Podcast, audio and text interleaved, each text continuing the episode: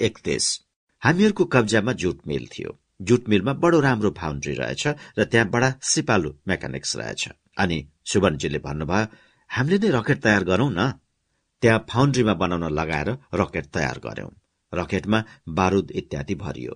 त्यसलाई बनाएर परीक्षण गर्दा त्यो त्यति टाढा पुग्दैन होला भनेको त निकै टाढा गाउनेर गएर पड्कियो।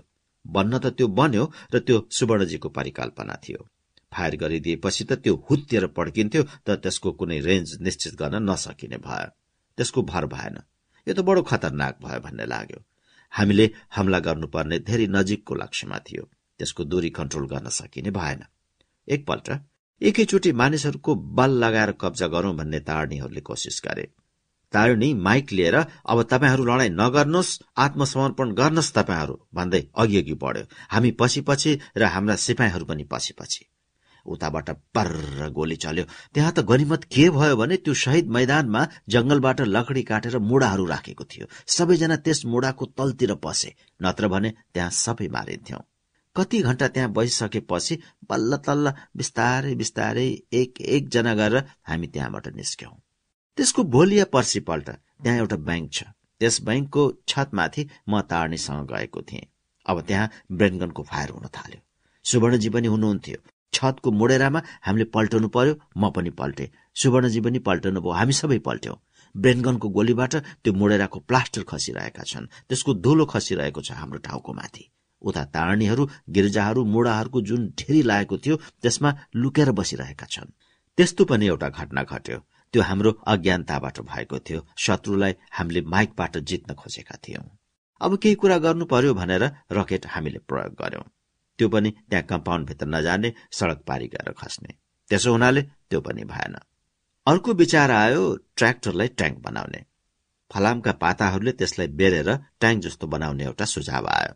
त्यसलाई हाकेर बडाहाकिमको कम्पाउन्डको पर्खाललाई तोड्ने। त्यो तय भयो। पाँच छ दिन लगाएर त्यो तयार भयो। त्यो पनि रबरको टायर भएको ट्र्याक्टर होइन। क्याटरपिलर टाइपको ट्र्याक्टर थियो।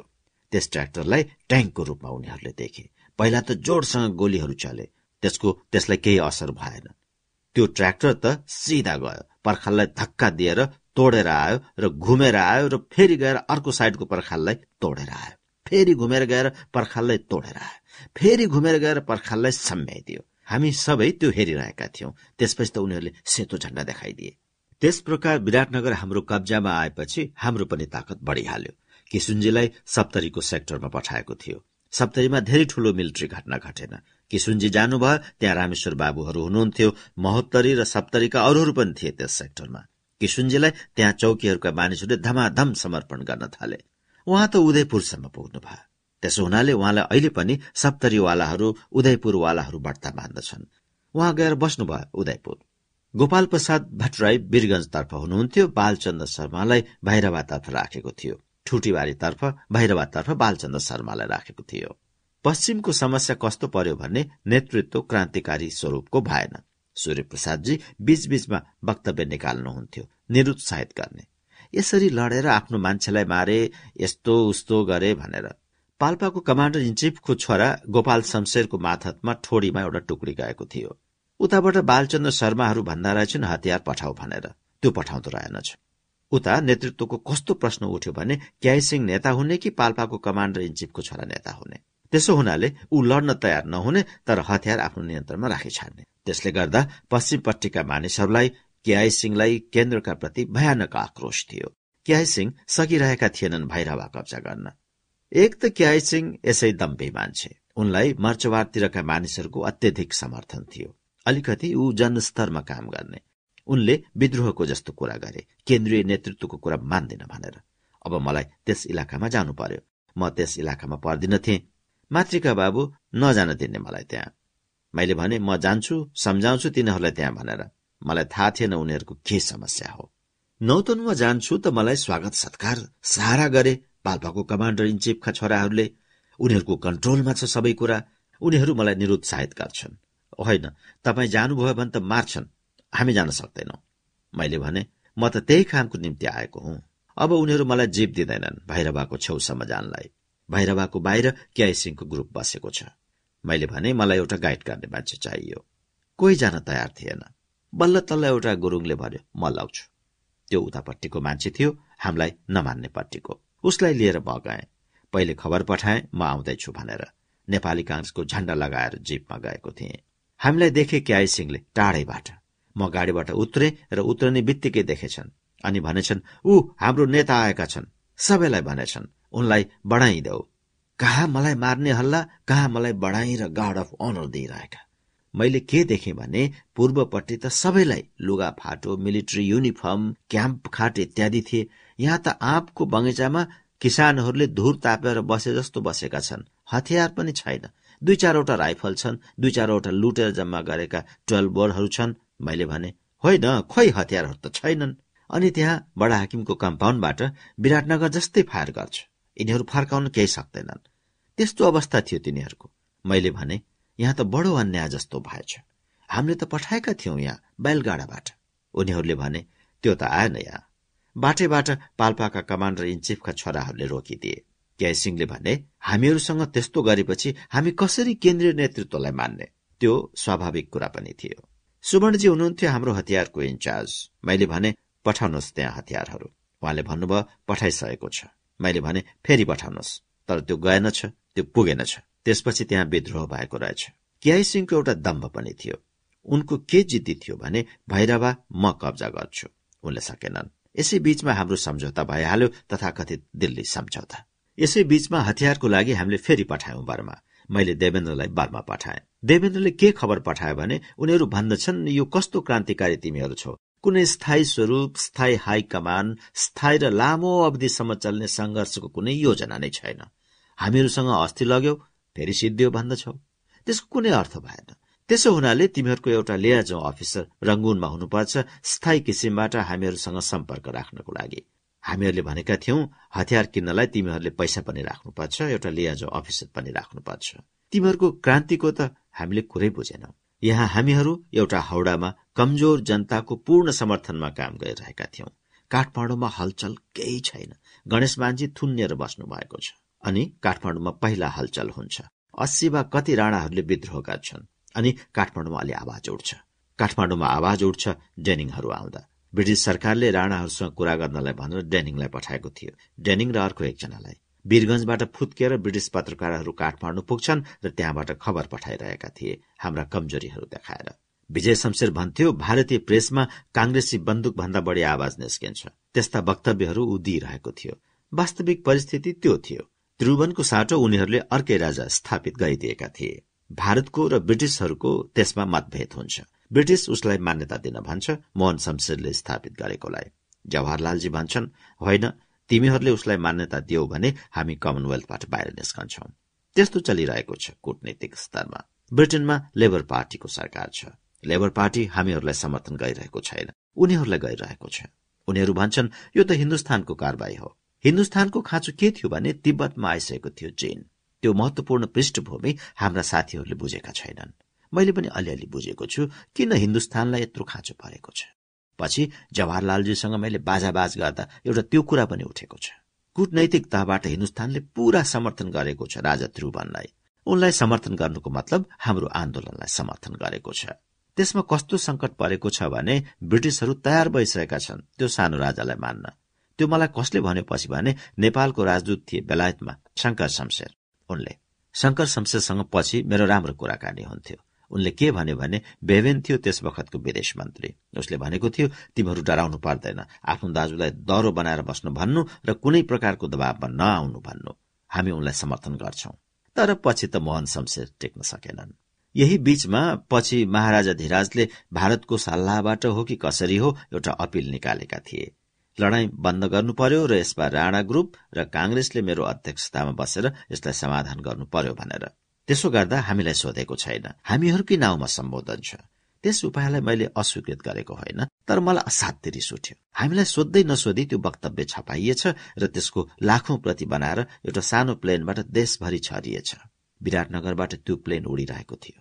मैले त्यसले छरेको पर्चा के रहेछ भनेर हेर्दा कस्तो रिस उठ्यो भने मैले त्यस प्लेनलाई फायर गर भनेको थिएँ। मैले त्यसै बेला भने उनलाई के अधिकार छ त्यसो गर्नु? तिनले त लड्ने आह्वान पनि त दिएका छैनन्। त्यसो हुनाले बन्द गर भन्ने माग पनि त गर्न सक्दैनन्। मेरो त्यो लाइन थियो।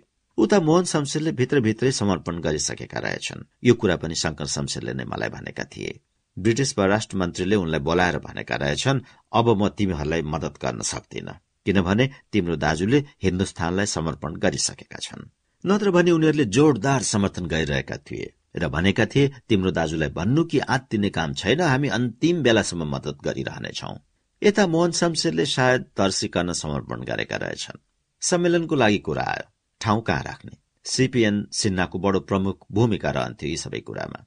सिपिएन सिन्हाले त्यस बखत हामी पटनामा रहन्थ्यौं मलाई ठुल दाजु र सुवर्णजी हामी तीनजनालाई बोलाएर भेटे। यसबाहेक अरूलाई बोलाएको जस्तो मलाई लाग्दैन। अब महाराजा धिराजको कुरा उनले हामीलाई भन्छन्। त्यस स्थितिमा हिन्दुस्तानले हामीलाई र महाराज धिराज त्रिभुवनलाई राखेको छ। मैले महाराजा धिराजलाई भेट्न जाँदा दयाराम भक्त माथेमा प्राइभेट सेक्रेटरी थिए। फुर्सद छैन बिरामी छ भनेर कतिपल्ट फर्काएका छन्। महाराजा धिराजबाट अब यस्तो हुकुम भयो अब कन्फरेन्स गर्नु पर्यो। कहाँ गर्ने भनेर सिपिएन सिन्हाले कुरा उठायो। मैले भने काठमाडौँ। अरूले बोल्नुभन्दा पहिले नै मैले भने। मैले त्यसो भन्दा सुवर्णजी चुप मातृका बाबु चुप अनि उसले भन्छ काठमांडू में तो कैसे होगा? काठमांडू में तो उन लोगों का कंट्रोल है। अभी तो आप लोग जीते नहीं है काठमांडू को राजा जाएंगे तो बंदी नहीं हो जाएंगे। वहां से बड़ी मुश्किल से भाग कर आए हैं। मैले भने तर यहाँ त सम्झौता भइरहेको छ। युद्ध विराम आदेश भइसकेको छ। बन्दी गर्ने भएदेखि त त्यसो कुनै माने हुँदैन। उसले भन्यो लेकिन उहाँ त वो मरवा देगा और कह देगा किसी गुण्डे ने मार दिया। अनि ठुल दाजु भन्नुहुन्छ यहाँ राणाहरूको के भरोसा? त कुन अदालतमा गएर अपिल गरिरहन्छस्? त मारिस बा म मारिए बा अरू त्यस्तै केही भयो भने। त्यो कुरा पनि त्यसले त्यसै गरी टिप्यो। अनि कहाँ तय गर्ने भनेर मैले भन्दा तय भयो दिल्ली। दिल्लीमा वार्ता हुने तय भयो। मैले मन नलागी नलागी स्वीकार गर्नु पर्यो। मैले भने दिल्ली त मलाई मन परेको छैन। अब तपाईँ हाम्रो अध्यक्ष र सुवर्णजीहरू भन्नुहुन्छ भने र महाराजा धिराजको पनि त्यही इच्छा छ भने त अब अरू कुरै भएन। बत्तीस। मैले बडो अनिच्छापूर्वक दिल्लीलाई स्वीकार गरे। लौ भनिकन हामी साराका सारा दिल्ली पुग्यौं।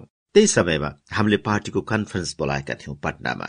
सिपिएन सिन्हा त्यसै हुनाले आएको थियो। हामीलाई भेट्न पटनामा। ऊ सम्झौता वार्ताको ठाउँ निश्चित गरेर हिँडिहाल्यो। पटनामा एउटा कोअपरेटिभ सोसाइटीको हल थियो। त्यसमा हाम्रो कन्फरेन्स भयो। सबै ठाउँबाट हाम्रो संघर्षमा नेतृत्व दिइरहेका कमाण्डरहरू आएका थिए। के आई सिंह आएनन्। उनले एउटा प्रतिनिधि पठाएका थिए। त्यसले खबर ल्यायो म सम्झौता मान्दिन। मैले तर्क दिएको छु त्यस वार्ताको। एक थरीका मानिसहरूको चित्त बुझिरहेको थिएन। मैले पनि हुँदैन भनिदिएको भए कोही मान्ने थिएन। तर त्यस बखतको यथार्थ परिस्थिति मैले नै देखाउनु परेको थियो। मैले राजा कुन स्थितिमा छन् हिन्दुस्तानको एउटा कूटनैतिक समर्थन कुन प्रकारको छ र हामीहरूको स्थिति कस्तो छ भनेर साथीहरूलाई सम्झाउनु परेको थियो। टेबलमा कुरा गर्न जान डराउनु हुँदैन भनेर मैले तर्कहरू दिएको छु। नमान्यहरूलाई मैले अलिकति रिसाएको पनि छु। त्यसपछि हामीहरू दिल्ली गयौं। हामीलाई राख्ने ठूलो इन्तजाम भयो। मैले भने म वेस्टर्न कोर्टमा बस्छु। त्यो त्यस बखत असाध्य राम्रो थियो। मैले दुईटा कोठा लिएँ। अरूहरू कहाँ बसे ठुल दाजु कहाँ बस्नुभयो मलाई अहिले याद छैन। Maharajadhiraj Hyderabad house.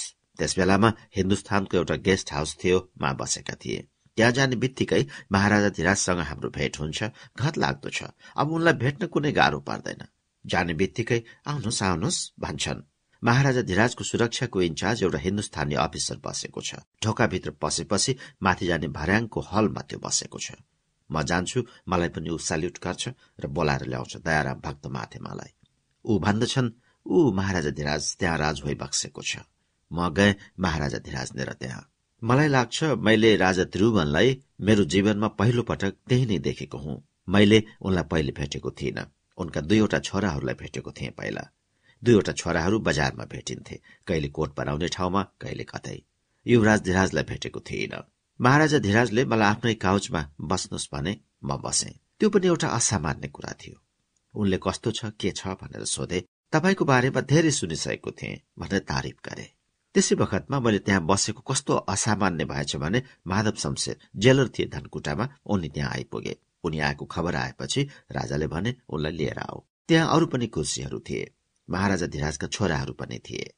म महाराजा धिराजसँगै बसेको थिएँ काउचमा। महाराजा धिराजले उनलाई कुर्सी देखाएर बस न भने उनी त्यसमा नबसेर त्यहाँ बस्ने हाम्रो अधिकार महाराजा धिराजसँग भनेर उनी तल कार्पेटमा बसे। जिब्रो काटेर उनी बोलेका थिए मलाई उनले देखिसकेका छन् त्यहाँ बसेको। पछि बाहिर मलाई भन्थे हामीले त्यसो गर्ने हो सरकारको काउचमा बस्ने हो। त्यसपछि हाम्रो कुरा भयो। राजासँग मिलेर गर्नुपर्छ भनेर हामी आएका हौ भन्ने कुरा भयो। म प्रतीक्षा गरिरहेको छु राउन्ड टेबल कन्फरेन्सको लागि। सबै पक्षहरू सम्मिलित भई वार्ता गर्नको लागि। तर त्यो हुँदैन। मोहन शमशेरको तर्फबाट विजय शमशेर र अरू कतिजना आएका छन् कुरा गर्नलाई। त्यो हामीलाई थाहा हुँदैन। हाम्रो तर्फबाट मातृका बाबु सुवर्ण शमशेर लगायत हामी जति थियौं त्यहाँ छौं। छुट्टा छुट्टै हामीहरूसँग कुरा गर्छन् जवाहरलालजी। मिलेर काम गर्नुपर्छ भन्दछन्। त्यही एउटा राग छ। उपाय तो आप लोगों तय करना है भन्दछन् उनी। तर राणाहरूसँग हाम्रो कुरै हुँदैन। उनीहरूसँग पनि अलग कुरा गर्दा रहेछन्। यसै बीचमा एउटा घटना घटेको छ। छब्बीस जनवरीको कुरा हो। राष्ट्रपतिले सलामी लिने झाँकी निस्किने समारोहमा हामी पनि आमन्त्रित थियौं। एउटा घेरा नेपाली कांग्रेसका मानिसहरूको निम्ति गरेको छ। अर्को घेरा राणाहरूको निम्ति गरेको छ। त्यससँग टाँसिएरै। मैले विजय शमशेरलाई पहिले पनि देखेको थिएँ। त्यसपछि जब समारोह सिद्धियो हामीहरू आफ्नो कारतर्फ जान थाल्यौं। उनीहरू पनि विजय शमशेरहरू पनि आफ्नो कारतर्फ जान लागे। दुलैहरू पनि थिए उनीहरूका। निस्कँदाखेरि नजिकै पर्यो। मैले भने हेलो विजय। मैले हात उठाएर भने हेलो विजय। अनि विजय शमशेर मेरो नजिक आयो। म पनि अलिकति अगाडि बढे। उसले भन्यो होइन कहिले भेट्ने? मैले भने म पनि त त्यही कुरो सोचिरहेको छु। हामीहरू भेट्न भनेर आएको रे निगोसिएट गर्न भनेर आएको रे। अनि विजय शमशेरले आफ्नो दुलैसँग पनि मलाई परिचय गरायो। उसको दुलैसँग त पछिसम्म राम्रो सम्बन्ध रह्यो। विजयसँग पनि मेरो अत्यन्त नै राम्रो सम्बन्ध रह्यो। मेरो त्यस किसिमको व्यवहार थियो। त्यो करिब एक दुई मिनटको कुरा थियो। त्यति मात्र हुन्जेल ठुल दाजु अगाडि आएर उभिनु भयो म कारतिर गएँ। अब ठुल दाजु रिसाउनुहुन्छ त किन तिनीहरूसँग कुरा गर्न गइस्? त त्यहाँ किन गइस्? अनि मैले भने तिनीहरूसँग टेबलमा बसेर कुरा गर्नुपर्ने। अहिले बोल्न नहुने? होइन।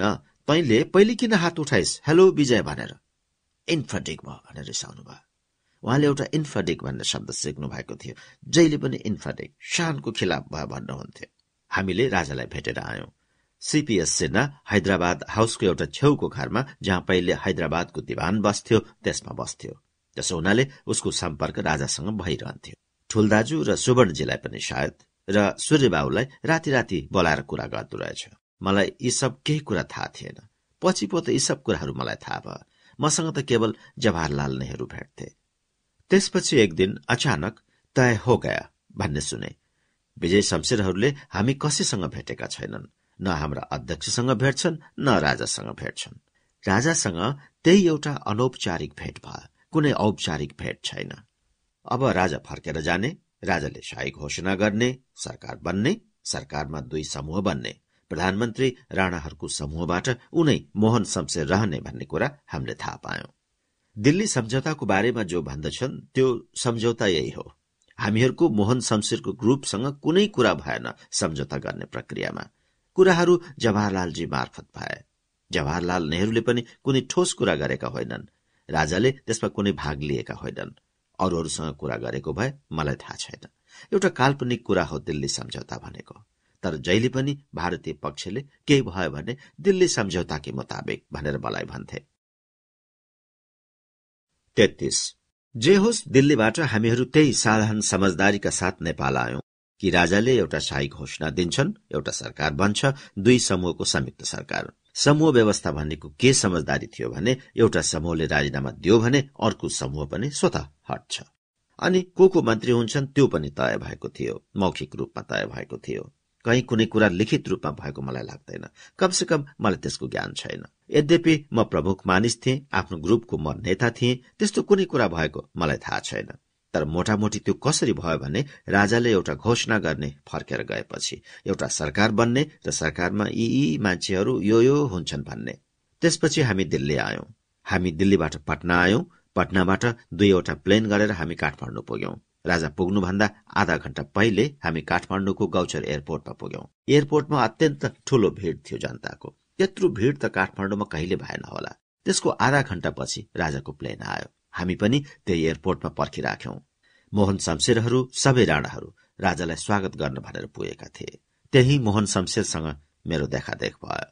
तर हाम्रो संगठनको एउटा नमूना के थियो भने त्यहाँ उत्र्यौं तर उत्रेपछि अब हामी कहाँ बस्ने? त्यसको इन्तजाम छैन। मेरो त्यहाँ घर छैन। हामीहरू कसैको घर त्यहाँ छैन।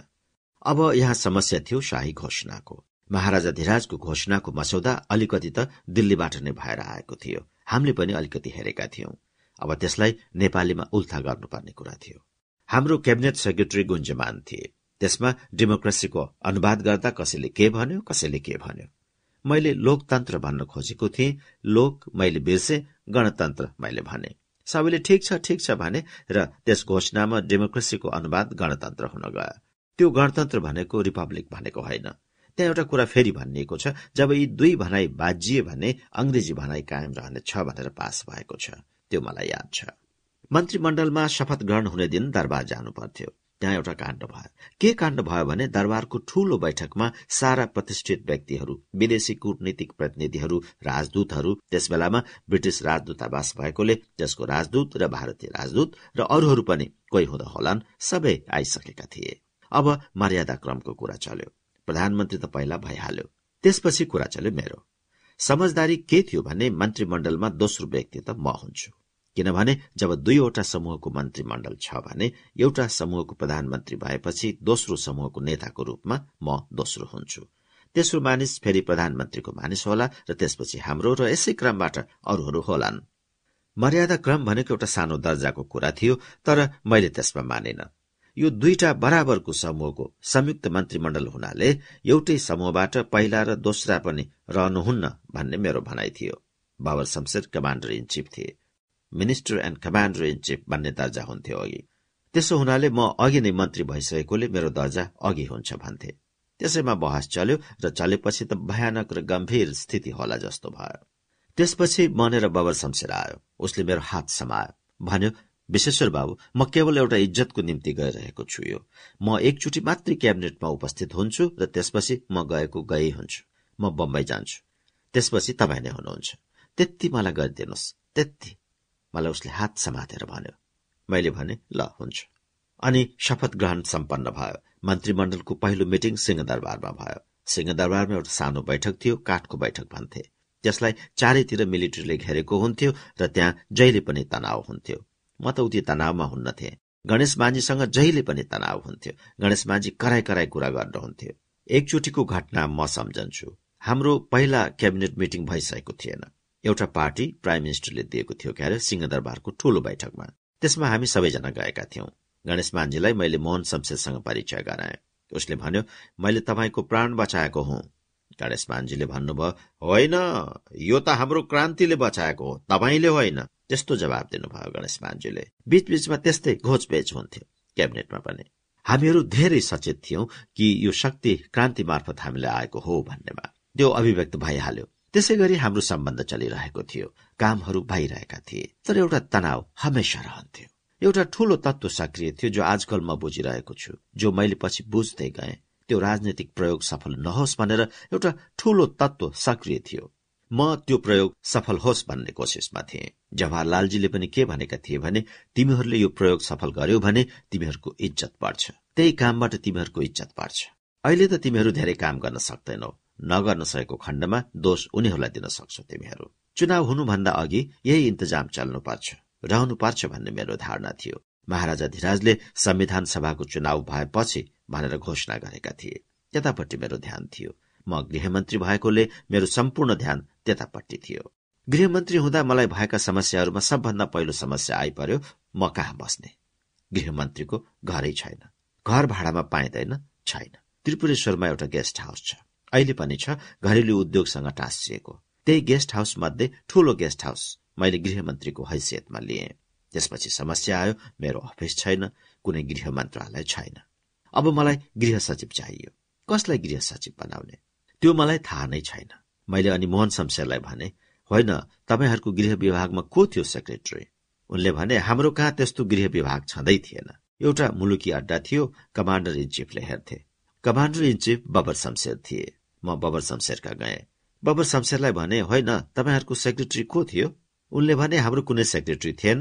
विन्ती पत्र सुनाउँथे म त्यसमा तोक लगाइदिन्थे। त्यस्तो कुनै अफिस र पद थिएन। मैले भने कोही मानिस त तपाईँले सिफारिस गर्नु पर्यो उनले एकजना सरदारको नाउँ सुझाए। तिनी नेपालका पहिला एमए थिए दर्शन शास्त्रमा। असल मान्छे थिए। तर कुनै पनि राजनीतिक धारणा नभएका कारिन्दा काम गर्दा गर्दै सरदार भएका थिए। तिनको नाम सिफारिस उनले गरे। मैले भने ठिक छ।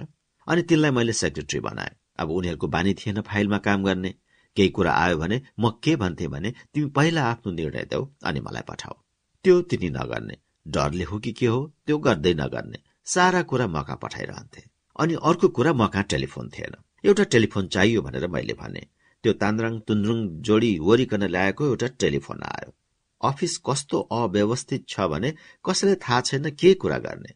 त्यो कुरा गृह सचिवलाई थाहा छैन। मेरा निजी सचिवलाई पनि थाहा छैन कहाँसम्म कसको के अधिकार हुन्छ भन्ने। सेक्रेटोरिएटको गठनको काममा सहयोग गर्न हिन्दुस्तानबाट हामीले दुई तीनजनालाई ल्यायौं। त्यो काम हामीले ठिक गर्यौं कि बेठिक गर्यौं त्यो त अब इतिहासले बताउला। तर हाम्रो नियत के थियो भने अब प्रशासनको अलिकति आधुनिकीकरण गर्नु पर्यो। त्यो राणाहरूले चलाए जस्तो गरेर त ठिक भएन। गोविन्द नारायण भन्ने एकजना थियो। त्यो गृह सचिव थियो युपीको। बडो योग्य मान्छे तर हामीलाई नहुने। त्यो मसँग संलग्न थियो। अर्को अर्थ विभागको निम्ति के नारायण भन्ने थियो। त्यो सुवर्णजीसँग संलग्न थियो। त्यसको पनि जरुरत थियो। अर्थको के गर्ने कसो गर्ने भन्ने कुराको लागि। गृह प्रशासन मेरो जिम्मामा पुलिस मेरो जिम्मामा थियो। हाम्रा मानिसहरू थिए तिनीहरू पनि उत्ताउला। प्रशासनको र कानून र व्यवस्थाको कुरा कहीँ लागू नहुने जस्तो वीरगंजको कुरा ल्याऊ वीरगंजमा जसलाई बडा हाकिम बनाएर पठा धपाएर पठाइदिने। उनीहरूसँग हतियार थियो समर्पण नगर्ने। पूर्वमा एउटा समस्या उत्पन्न गरिरहेको थियो भैरव प्रसाद आचार्यले। क्रान्तिको बखत ठाउँ ठाउँमा मिलिट्री गभर्नरहरू राखिएका थिए। अब ऊ भन्ने म त मिलिट्री गभर्नर हामी केन्द्रसँग वास्ता गर्दैनौ हामी त स्वतन्त्र हुन्छौ। यसमा कस्तो थियो भने मातृका बाबु कथा कथा यिनीहरूलाई उचाल्ने गर्नुहुन्थ्यो। उनले विदेश मन्त्री कमान्डर इन चिफ इत्यादि भनेर मानिसहरू नियुक्त गरेका थिए। धर्मप्रसाद ढकालहरू को को यसमा थिए। रुपियाँको त्यहाँ लुटपाट भएको थियो। म तिनमाथि कारवाही गर्नुपर्छ भन्ने ठुल दाजु त्यसलाई बचाउ गर्ने। यस्तै समस्या थियो भोजपुरमा। भोजपुरमा कोही बडा हाकिम पठायो टिक्ने नदिने। एउटा जेनरललाई पठाएको राति झ्यालबाट हाम फालिकन भागेर आयो। यहाँ काठमाडौँमा उत्ताउलो स्थिति छ। कानून र व्यवस्थाको भयानक अव्यवस्था भएको थियो। राणाहरूको मलाई असफल पार्ने कोसिस गणेश मान्जीलाई पचासजना घेर्थे अनि म कहाँ शिकायत गर्नुहुन्थ्यो। खड्गमानलाई राष्ट्रपिता बनाउनु पर्छ। तिनको निम्ति द्वारहरू बनाउनु पर्छ। किनभने उनी जेलमा बसेका थिए भनेर पचासजना मानिस लिएर आउनुहुन्थ्यो। पछि मैले चित्त बुझाएर फर्काएपछि भन्नुहुन्थ्यो तपाईँले कसरी ह्यान्डल गर्नुभएको? अनि हिन्दुस्तानको आफ्नो एउटा दाउ थियो। हिन्दुस्तानको राजदूत त यहाँको राजा भन्दा पनि आफूलाई ठूलो ठान्थ्यो। राजाले के कुरा गर्थे उसँग थाहा छैन। प्रधानमन्त्रीले के कुरा गर्थे थाहा छैन। सबैलाई बोलाउँथ्यो आफ्नो घरमा। उसले काम गराउँथ्यो। चौतिस। त्यही बखतमा राणाहरूले गोर्खा दल भन्ने निकाले। म गृहमन्त्री थिएँ। म पनि अनुभवहीन मानिस। रिपोर्ट पनि त्यस्तै पार्थे बुझिन्थ्यो कि आज उडाउँछन् कि भोलि उडाउँछन् हामीलाई। तर त्यो झुटो हुन्थ्यो। अब पुलिसको रिपोर्ट पर्ने। आज नाति जर्नेल भरत शमशेरको मोटर राति एक ठाउँमा देखियो। अर्को रिपोर्ट के आउँछ भने त्यहाँ अरू मानिसहरू पनि जम्मा भएका थिए। तेस्रो रिपोर्ट के आउँछ भने पिस्टल बन्दुकहरू पनि जम्मा गरेका छन्। तीनवटा रिपोर्ट तीन तरिकाले म कहाँ पुग्थ्यो। त्यो वास्तविक कुरा हो त्यस्तो परिस्थिति थियो। म कहाँ दबाव के आउने भने तिमी कारवाही गर्दैनौ यस्तो भइसक्दा पनि कुनै कारवाही गर्दैनौ। नभएका कुराहरू बढाइ चढाइकन गइरहेका छन्। अनि हामीहरूसँग हतियार छैन। हामीहरूसँग पटक्कै हतियार छैन। हाम्रो पुलिस छ रक्षा दलको। तिनीहरू छ हजार जति थिए। रक्षा दललाई धुलीखेलमा नै रोकिकन मैले तोरण शमशेरलाई पठाएँ सम्झाउन बुझाउन। उनीहरूलाई मैले काठमाडौँ पस्न नरोकेको भए यहाँ सारा लुटपाट हुन जान्थ्यो। मैले उनीहरूलाई सशस्त्र प्रहरीमा भर्ना गरे। त्यो नै उनीहरूलाई दर्जा घटे जस्तो लाग्यो। उनीहरूलाई हतियार दिउँ भने हतियार छैन हामीसँग। मैले क्याबिनेटमा राखे प्रस्ताव एक हजार हतियार चाहियो भनेर। बल्ल तल्ल बल्ल तल्ल प्रधानमन्त्री जो रक्षा मन्त्री थियो तयार भयो सेनाबाट एक हजार हतियार दिन। हतियार दिन्छ तर गोली गट्ठा दिँदैन। फेरि हल्ला मचाइकन एक हजार राइफलमा दसवटा गोलीको दरले दस हजार गोली दियो अनि त्यसको स्ट्राइकिङ पिन छैन। फेरि बडो हैरान गरिकन एक हजार स्ट्राइकिङ पिन दियो। त्यसपछि मैले तोरण शमशेरलाई आइजी बनाए पुलिसको। तोरण शमशेरलाई एक दिन मैले सोधे तिमी भरत शमशेरलाई समात्न सक्छौ? मैले किन समात्न भनेको भने त्यसलाई समातेको खण्डमा एउटा हतोत्साह आउँथ्यो उतापट्टि। नत्र उनीहरूलाई कसले समात्न सक्छ? यो रोलवाला राणाहरूलाई भन्ने थियो। त्यसो हुनाले पनि समात्न जरुरी थियो। पहिले त उसलाई डर लाग्यो। मलाई भन्यो तपाईँले अर्डर गर्नुहुन्छ भने जान्छु समात्नलाई। मिलिट्रीले विद्रोह गर्ला जस्तो छ। मिलिट्रीसँग हाम्रो राम्रो छैन। नराम्रो पार्ने पनि प्रयत्न भइरहेको छ। त्यो प्रयत्न हामीहरूको तर्फबाट पनि भइरहेको छ र उताबाट पनि भइरहेको छ। अब मिलिट्री प्रतिकूल भएपछि त प्रशासनको लागि बडो डर लाग्दो कुरा थियो नि। मैले तोरण शमशेरलाई त्यस्तै स्थितिमा भने ल समात भरत शमशेरलाई। ऊ गएछ बिहान र त्यहाँ बहस गरेर समातेछ। समर्पण गर्ने कि नगर्ने कुरामा बहस भएछ। त्यस बखतमा commander in chief Babar Shamsher थियो। ऊ एक दिन क्याबिनेटमा बसेर बम्बई गइहाल्यो। तर जे होस् त्यहाँ कुनै नराम्रो घटना हुन पाएन र भरत शमशेरले समर्पण गर्यो। नत्र समर्पण नगर्ने कुरा पनि थियो। बिहान पख थियो अब हल्ला भयो भरत शमशेर समातियो भनेर। गोर्खा दलवालाहरूको भयानक जुलुस निस्क्यो र जेलतिर आक्रमण गर्यो। म बसेको नजिकै थियो जेल। अप्रेल महिनाको कुरा थियो। जेल तोडेर भरत शमशेरलाई लिएर छ सात हजारको जुलुस उसलाई बोकेर मुर्दाबाद काङ्ग्रेस मुर्दाबाद ज्यान लिनुपर्छ यो फलाना ढिकाना भनेर खुकुरी चम्काउँदै निस्क्यो। त्यसमा आठ पहरेहरू थिए बबर महलका मेरो सामुन्ने यो भिड आयो। मैले ढोका बन्द गरिदेऊ भने। तर ढोका त त्यस भिडले पडाक टोडिदिइहाल्यो र राइफल लिएको एउटा पुलिस थियो त्यसको राइफल पनि खोस्यो। मेरो एउटा भानिज छ त्यससँग एउटा स्ट्यान्ड गन थियो। त्यसलाई ढुङ्गा हानेर बेहोस पारिदिएर त्यसको स्टेनगन पनि खोस्यो त्यस भिडले। अनि त्यो भिड पस्यो मेरो अफिसमा। मेरो अफिसका कर्मचारीहरूलाई कुटेर उदय प्रसाद भन्ने छन् एकजना तिनको गोडा भाँचिदिए। चुटेर बेहोस पाइदिएको थियो।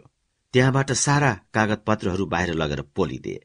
कारमा आगो लगाइदिए। प्रकाशको एउटा सानो खेलौना कार थियो। त्यसलाई पनि पोलिदिए भनेर ऊ माथिबाट कराउँदै थियो। तीन चार वर्षको थियो होला ऊ त्यस बेला गणेश मान्जी हुनुहुन्थ्यो हामीसँग माथि। सायद किसुनजी पनि हुनुहुन्थ्यो। रामेश्वर पनि थिए क्यार। मसँग छ सातवटा बुलेटको एउटा रिभल्भर थियो। त्यसपछि सर गएर दुई तिन सय जति मानिसहरू सिँढीबाट माथितिर आए। सिँढीबाट माथि आएपछि एउटा खाली ठाउँ थियो। त्यसपछि मेरो कोठा पर्थ्यो। अनि म ढोकाभन्दा बाहिर निस्के। यो के बदतमिजी हो तिमीहरूको? जाऊ। विरोध गर्नु छ भने तिमीहरू मिटिङमा गएर विरोध गर। घरमा आएर यस्तो गर्ने हो भनेर मारसँग मैले डाँटे। डाँट्दा त सबजना लुते कान लगाएर फर्के। म त छक्क परे। सिँढी ठाडो छ। तल त्यहाँ उनीहरूलाई कसैले उत्तेजित गरिरहेको जस्तो थियो। फेरि सबैजना रक्सी खाएर आए जस्ता थिए। अनि फेरि उक्ले सिँढीमाथि। एक दुईजनाले त नाङ्गो खुकुरी नै लिएर आए। एउटा मोटो मानिस थियो त्यो आठ परिया नै रहेछ। जब म फेरि गएको थिएँ म माथि प्रहार गर्न आए। सिँढीबाट हुर्रिँदै म कहाँ आए? मैले पिस्टल हातमा लिएको थिएँ। ड्याङ ड्याङ ड्याङ चार पाँचवटा फायर गरे। फायर गर्दा त्यो मोटो आठ परियाको त मुटुमा नै लागेछ। उसको आधा शरीर मेरो बेडरुममा छ आधा बाहिर छ। खुकुरी कार्पेटमा उछिटिएर गएको छ। खुकुरीमा ब भनेर लेखेको छ। बीड हात्ती दाँतको छ। बबर शमशेरको आठ परियाको त्यो हात्ती दाँतको बीड भएको लामो खुकुरी छ। त्यसपछि त्यही बखतमा टेलिफोन आउँछ प्रधानमन्त्री कहाँबाट। विजय शमशेरले फोन गर्छ। विजय शमशेरले भन्यो बुवाबाट हुकुम भएर मैले फोन गरेको। तपाईँ कहाँ धेरै मान्छेले हमला गरेछन्। बुवाले यहाँबाट बिजुली गाद पठाउँ भन्ने हुकुम हुन्छ। के गर्ने? मैले भने केही गर्नु पर्दैन। यो कसले गरायो? मलाई थाहा छ। त्यसले यसको भारी किम्मत बेहोर्नु पर्नेछ। म आफ्नो हिफाजत गर्न पूरा सक्षम छु। उहाँले केही गर्नु पर्दैन। आफै पोक्सी आफै झाँक्रे। मलाई थाहा छ यो कसले गरेको हो। र त्यसले यसको किमत चुकाउनु पर्नेछ। He will have to pay through his nose अनि उसले भन्यो होइन किन रिसाउनुहुन्छ? तै पनि म पठाउँछु। एकछिन पछि हामीहरू के देख्दछौ? झ्यालबाट तल भने मान्छेहरू हर्र भित्र पसे र घरलाई घेरे माथि निशाना ताकेर बसेका छन्। अब को हुन् तिनीहरू? मिलिट्री आएको हो कि के हो? दीर्घराज मेरो निजी सचिव भएर काम गर्थ्यो। त्यसबेला त्यो कतै बाहिर गएको थियो। त्यही हो कोइराला भनेर गोर्खा दलवालाहरूले छक छक खुकुरीले ठाउँ ठाउँमा रगताममै पार्दै हिँडाएर लिएर आए। त्यसलाई यहाँ लिएर आउँदा केशर शमशेरले देखेका रहेछन्। त्यस्तो एउटा तरल परिस्थिति सृजना भइरहेको छ बाहिर। हुन सक्थ्यो त्यहाँ पल्टनले पनि विद्रोह गर्न सक्थ्यो। त्यसो भएको भए एउटा धेरै ठूलो रक्तपात हुने थियो। को कता रहन्थ्यो थाहा थिएन। पल्टनमा असन्तोष थियो पराजयको भावना थियो उसलाई। त्यो त प्रयोग भएकै थिएन। यता हामीहरूसँग पनि हतियार थियो। त्यसले गर्दा शहरमा त एउटा लडाई नै जस्तो चल्न सक्थ्यो। त्यसको लागि एक हजार राइफल त काफी हुन्थ्यो। ती सय पचासजना मान्छेहरू जसले हामीलाई घरमा घेरे अब ती को हुन्? झ्याल खोल्न गणेश मान्छे दिनुहुन्न। झ्यालको झिलिमिलीबाट हेर्दाखेरि लुगाफाटो तिनले राम्रो लगाएका छैनन् खालि राइफल लिएर आएका छन्। फौजी पोसाक छैन कसैको। निशाना ताकिरहेका छन् माथिपट्टि। त्यसपछि मैले देखेँ तिनीहरूको कमाण्डरलाई ती त हाम्रा मान्छे रहेछन्। हाम्रा मान्छेहरूलाई रक्षा दलका मान्छेहरूलाई के खबर भएछ भने गोर्खा दलका मान्छेहरूले हामीहरूलाई मारिसके र घर कब्जा गरेर बसेका छन्। मैले जब भारत शमशेरलाई गिरफ्तार गरेको थिएँ यो काण्ड हुनुभन्दा अघि मलाई टेलिफोन आएको थियो प्रधानमन्त्रीको। यी काण्डहरू भइसकेका थिएनन्। यी सबै कुरा पछि हुन्छन्। छिट्टै आउनु पर्यो भनेर एक दिन मलाई प्रधानमन्त्रीले बोलाए। म गएँ जानासाथ उसले सोध्यो किन भरतलाई गिरफ्तार गरेको? मैले भने मलाई उसको बारेमा धेरै रिपोर्टहरू आए त्यसो हुनाले मैले गिरफ्तार गरेँ। उसले भन्यो हामीले त एउटा नियम बनाएको छ। कसैलाई सुरक्षा ऐनमा थुनेपछि त्यो क्याबिनेटमा राख्नुपर्छ। मैले भने तीन दिनसम्म गृहमन्त्रीलाई त्यो अधिकार छ। तीन दिनभित्र त्यो कुरा म क्याबिनेटमा राख्छु। उसले भन्यो के भयो? तपाईँ के बताउनुहुन्छ? मैले भने उनीहरू गैर कानूनी गतिविधि गरिरहेका थिए। त्यस अवैध संगठनको सेक्रेटरी भरत शमशेर हो। त्यसको अध्यक्ष को हो त्यसको पत्ता लागेको छैन। तपाईँ जान्न चाहनुहुन्छ? म हुँ त्यसको अध्यक्ष। भनेर मोहन शमशेर कड्केर बोल्यो। मैले भने तपाईँ एउटा अवैध संगठनको अध्यक्ष हो भने गृहमन्त्रीले तपाईँको गिरफ्तारीको आदेश दिन सक्छ। त्यस्तो बाजाबाज भयो। त्यस स्तरमा हाम्रो कुरा हुन्थ्यो। त्यो बाजाबाज सिंहदरबारमा भएको थियो। त्यसका सब सैनिक अफिसरहरू उभिएर हेरिरहेका थिए। यही भन्न मलाई बोलाउनु भएको हो? भनेर रिसाउँदै जब म फनक्क फर्के अनि विजय शमशेरले मनेर आएर बिस्तारै भन्यो वृद्ध हुनुभयो।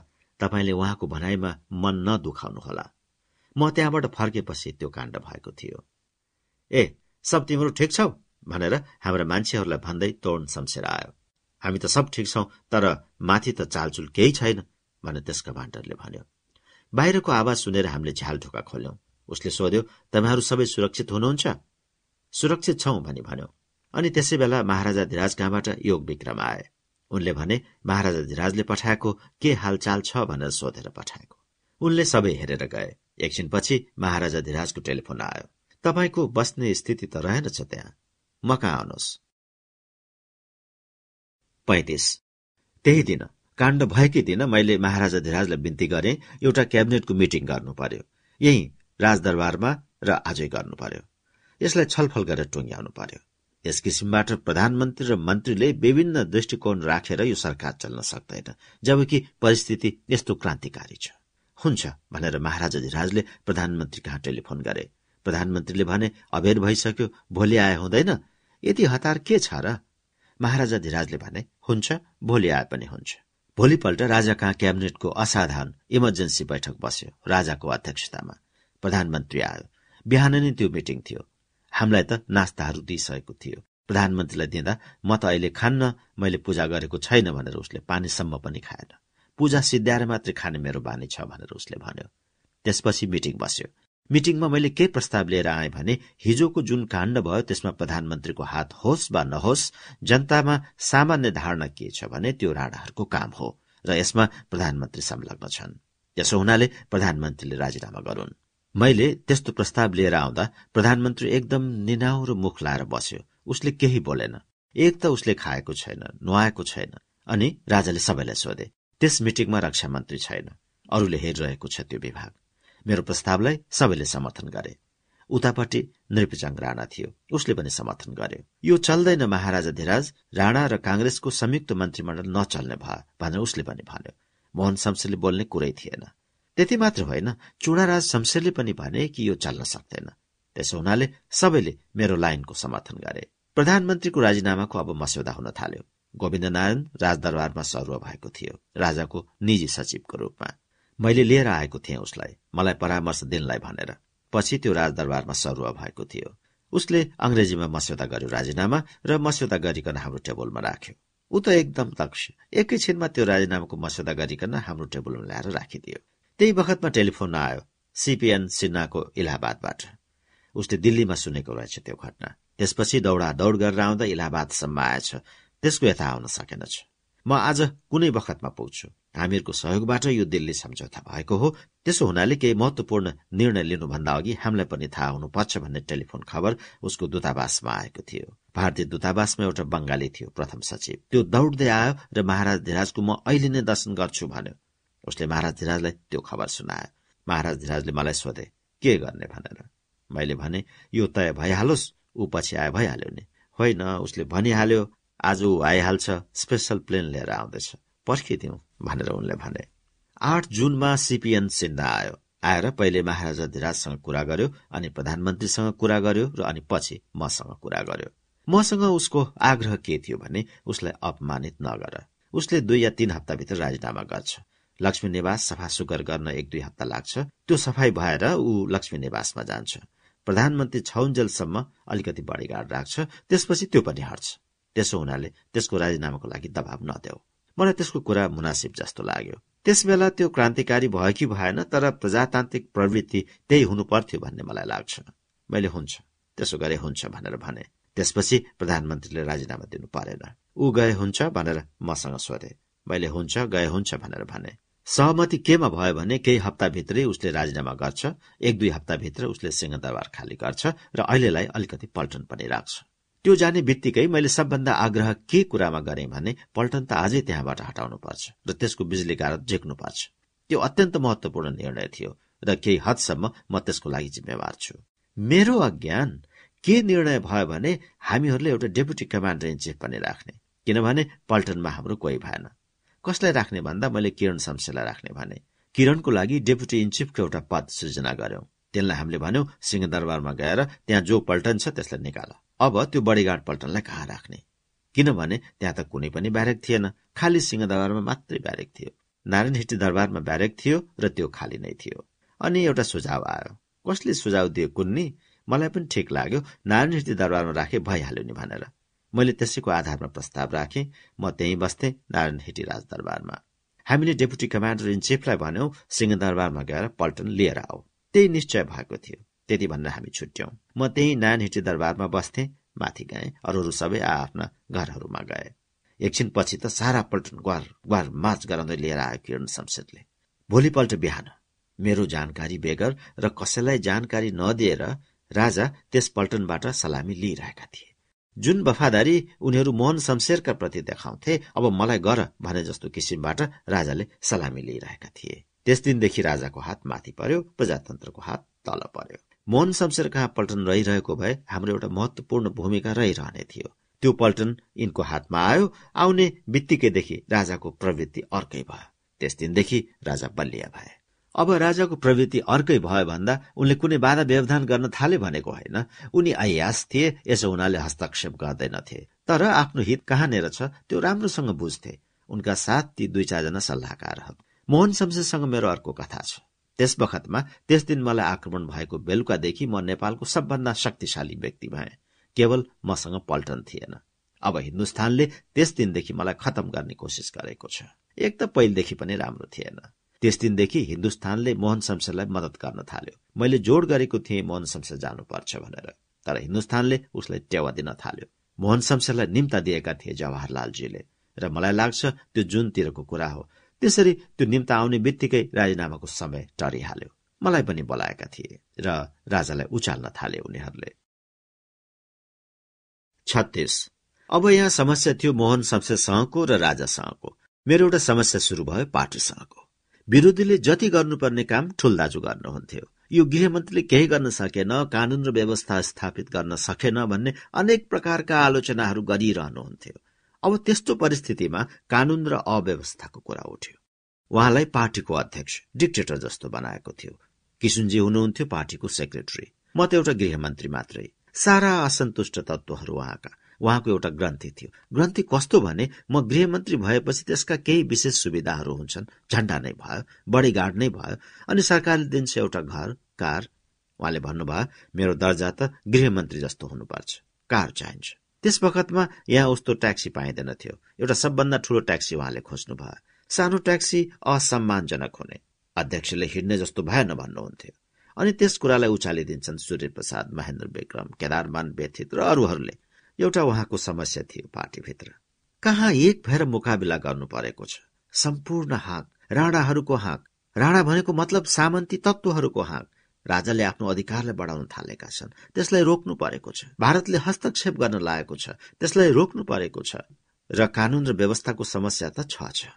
फेरि सुधारहरूका आकांक्षाहरू छन् जनतामा। हामीले सुधारहरूको लागि नै क्रान्ति गरेको हो। त्यसलाई पूरा गर्नु परेको छ। जमिनलाई बनाउनु परेको छ। त्यसमा पूरा समर्थन मैले पाएन मलाई समर्थन गणेश मान्जी गर्नुहुन्थ्यो। सुवर्णजीहरू गर्नुहुन्थ्यो। तर गणेश मान्जीको बडो अनभिज्ञ समर्थन हुन्थ्यो। भावुकतापूर्ण किसिमको समर्थन। यथार्थ समर्थन मैले पार्टीबाट पाइन। अब म माथि आक्रमण भयो मन्त्रीमण्डलमा पुनर्गठन भयो। त्यसमा पुनर्गठन किन भयो भने सूर्य प्रसादलाई लिनलाई। पुनर्गठन हुँदा हाम्रो तर्फबाट भरतमणि जानु पर्यो। त्यसको ठाउँमा सूर्य बाबु आए। मलाई पार्टीका सारा समस्याहरू आइपरेकोले यो मैले स्वीकार गरेको थिएँ।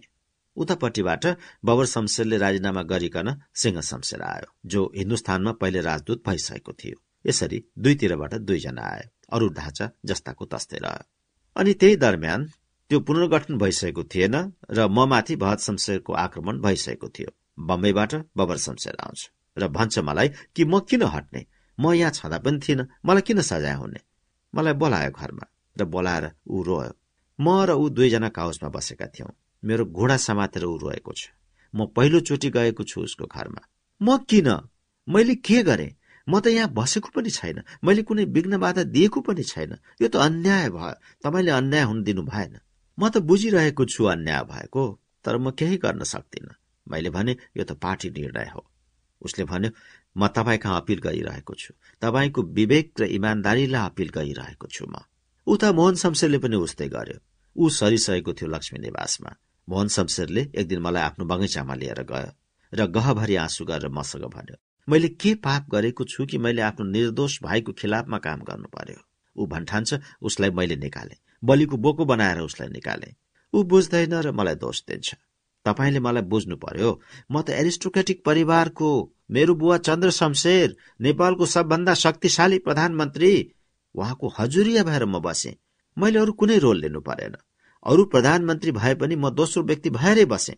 चन्द्र शमशेर प्रधानमन्त्री हुँदा म दोस्रो मानिस थिएँ थिएँ अरू हुँदा पनि म त्यो रहि नै रहे।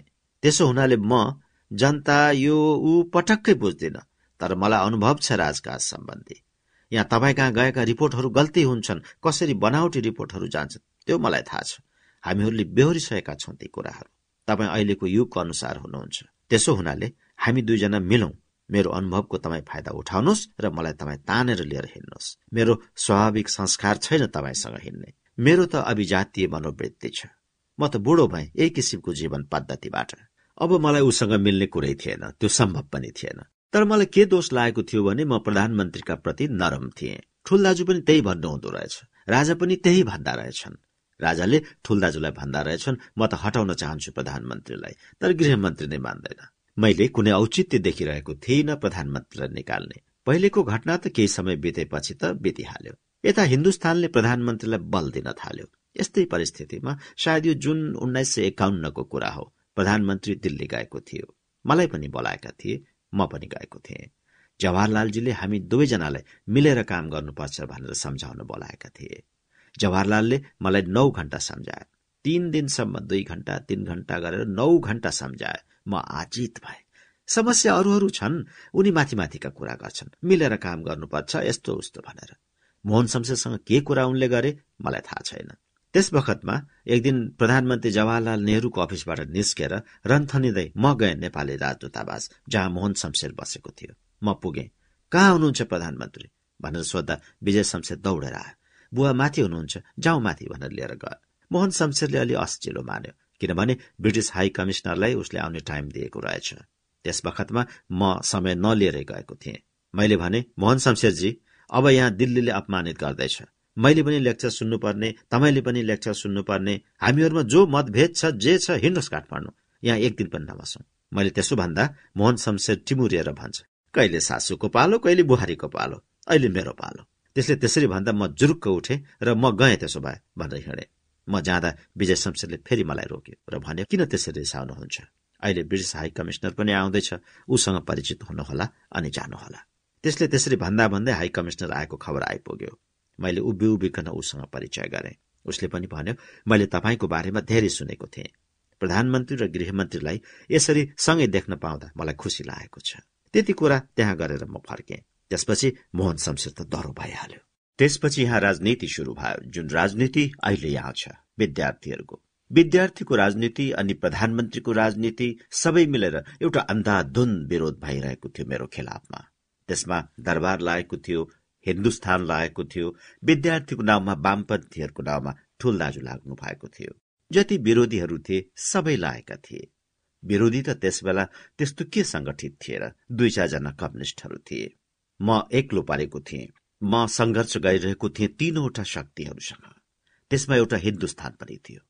मैले भनिदिएको थिएँ कि राजदूतले राजदूत भएर बस्नुपर्छ। मैले यो खुल्ला वक्तव्य दिएको थिएँ कि उसले आफूलाई हिन्दुस्तानको डिस्ट्रिक्ट बोर्डको चेयरम्यान जस्तो ठान्नु हुँदैन। सीपीएन सिन्हा अघि मुजफ्फरपुर डिस्ट्रिक्ट बोर्डको चेयरम्यान थियो। या त्यही डिस्ट्रिक्ट चेयरम्यानले गरेको जस्तो गर्न पाउँदैन भनेर मैले वक्तव्य दिएको छु। उसले आफ्नो ठाउँ कहाँ हो त्यो बुझ्नुपर्छ भनेको छु। म जहिले पनि आफ्नै किसिमको व्यवहार गर्दथे। राजा त्रुवन जहिले पनि यहाँ आउनुहोस् न यहाँ बस्नुहोस् भनेर आफू बसेकै काउज देखाउँथे। एकपटक म्याच भइरहेको थियो फुटबल म्याच। पुलिस र आर्मी वा कसको बीचमा मलाई त्यसको अहिले पूरा सम्झना छैन। त्यहाँ भिड थियो बस्ने ठाउँमा। म अलि पछि पुगे। राजाको परिवार पुगिसकेका थिए। विशिष्ट व्यक्तिहरूको लागि एउटा ठाउँ थियो। म पुगेपछि मलाई कुर्सी ल्याइदिए र म बसे। सुवर्णजीहरू अलि पछि बस्नु भएको थियो। राजाले मलाई देखे आउनुहोस् न यता भनेर आफूनिर बोलाए। अब त्यहाँ राजा र उनका दुईवटा छोराहरू बसेको देख्छु। सोफामा त्यहाँ ठाउँ छैन। होइन होइन खाँदिएर बसौँ न भनेर उनले फेरि भने। खाँदिएर उनी निरै बसे। उनले बस्न भने म उनी निर बसे। त्यसलाई अखबारले उडाएका छन्। कस्तो दम्ब कस्तो नजान्ने भनेर जस्तो आजकल उडाउँछन् त्यसै गरी उडाएका छन्। एउटा अर्को काम थियो अन्तरिम संविधानको। हामी अन्तरिम सरकार भएपछि अन्तरिम संविधान पनि चाहिएको थियो। अन्तरिम संविधान पनि गृह मन्त्रालयले नै तयार पारेको थियो। मलाई लाग्दछ आज पनि आजसम्म पनि त्यो एउटा प्रजातान्त्रिक व्यवस्थाको नमुना हुन सक्थ्यो। त्यो संविधान महाराज धिराजको घोषणा बमोजिम चुनाव भएर संविधान सभाले संविधान नबनाउन्जेलसम्मको लागि बनेको थियो। हामीले आफ्ना सेवाहरू त्यस संविधानलाई अर्पित गरेका थियौं जसले ग्यारेन्टी गरेको थियो स्वतन्त्र न्यायपालिका लोकसेवा आयोग चुनावका प्रक्रियाहरू र सेवाहरूको सुरक्षा। एक दुईवटा अवस्थामा सुरक्षा ऐनको कुरा राखिएको भए पनि त्यसलाई गृह मन्त्रालयले स्वेच्छाचारी तौरले प्रयोग नगरोस् भनेर मन्त्रीमण्डलमा ल्याइकन छलफल गर्नुपर्ने बन्देज राखेको थियो। मलाई लाग्छ त्यो संविधान अहिलेसम्मको निम्ति नमुनाको हुन सक्थ्यो जो हामीले दिएका थियौं। एउटा निरङ्कुश शासन जहाँ प्रशासन भन्ने कुरा थिएन त्यसको ठाउँमा हामी आएका छौं। आजकल अनुसन्धान गर्नेहरूले राणाकालमा प्रशासन यस्तो थियो र उस्तो थियो भनेको एकदम झुटो कुरो हो। एकजना या दुईजनाको हुकुमबाट सबै कुरा चल्दथ्यो। जस्तो कि मैले भनेको छु अघि कुनै गृह मन्त्रालय थिएन। सेक्रेटरी खोज्यो कोही सेक्रेटरी छैन। मुलुकी अड्डाको मुख्य कमान्डर इन चिफ हुन्थ्यो। उसका आउने बिन्ती पत्र सुनाउँदा ऊ त्यसमा तोक लगाइदिन्थ्यो भनेर त मलाई बाबर शमशेरले भनिसकेकै थियो। त्यस किसिमको प्रशासन थियो। एउटा आधुनिक र प्रजातान्त्रिक प्रशासन ल्याउनु पर्ने त्यो जिम्मेवारी थियो हाम्रो। चुनाव गराउनु पर्ने थियो। हामीहरू भूमि सुधारहरूको निम्ति वचनबद्ध थियौं। त्यो कुरा मेरो विभागमा हमेसा रहन्थ्यो।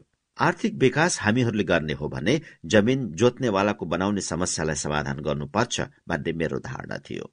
त्यसमा मलाई सबभन्दा बढी पूरा समर्थन गर्ने सुवर्णजी हुनुहुन्थ्यो। उहाँ त्यो हुनुपर्छ भन्नुहुन्थ्यो। मैयानी हक भन्ने शब्द हामीले ल्याएका हौ।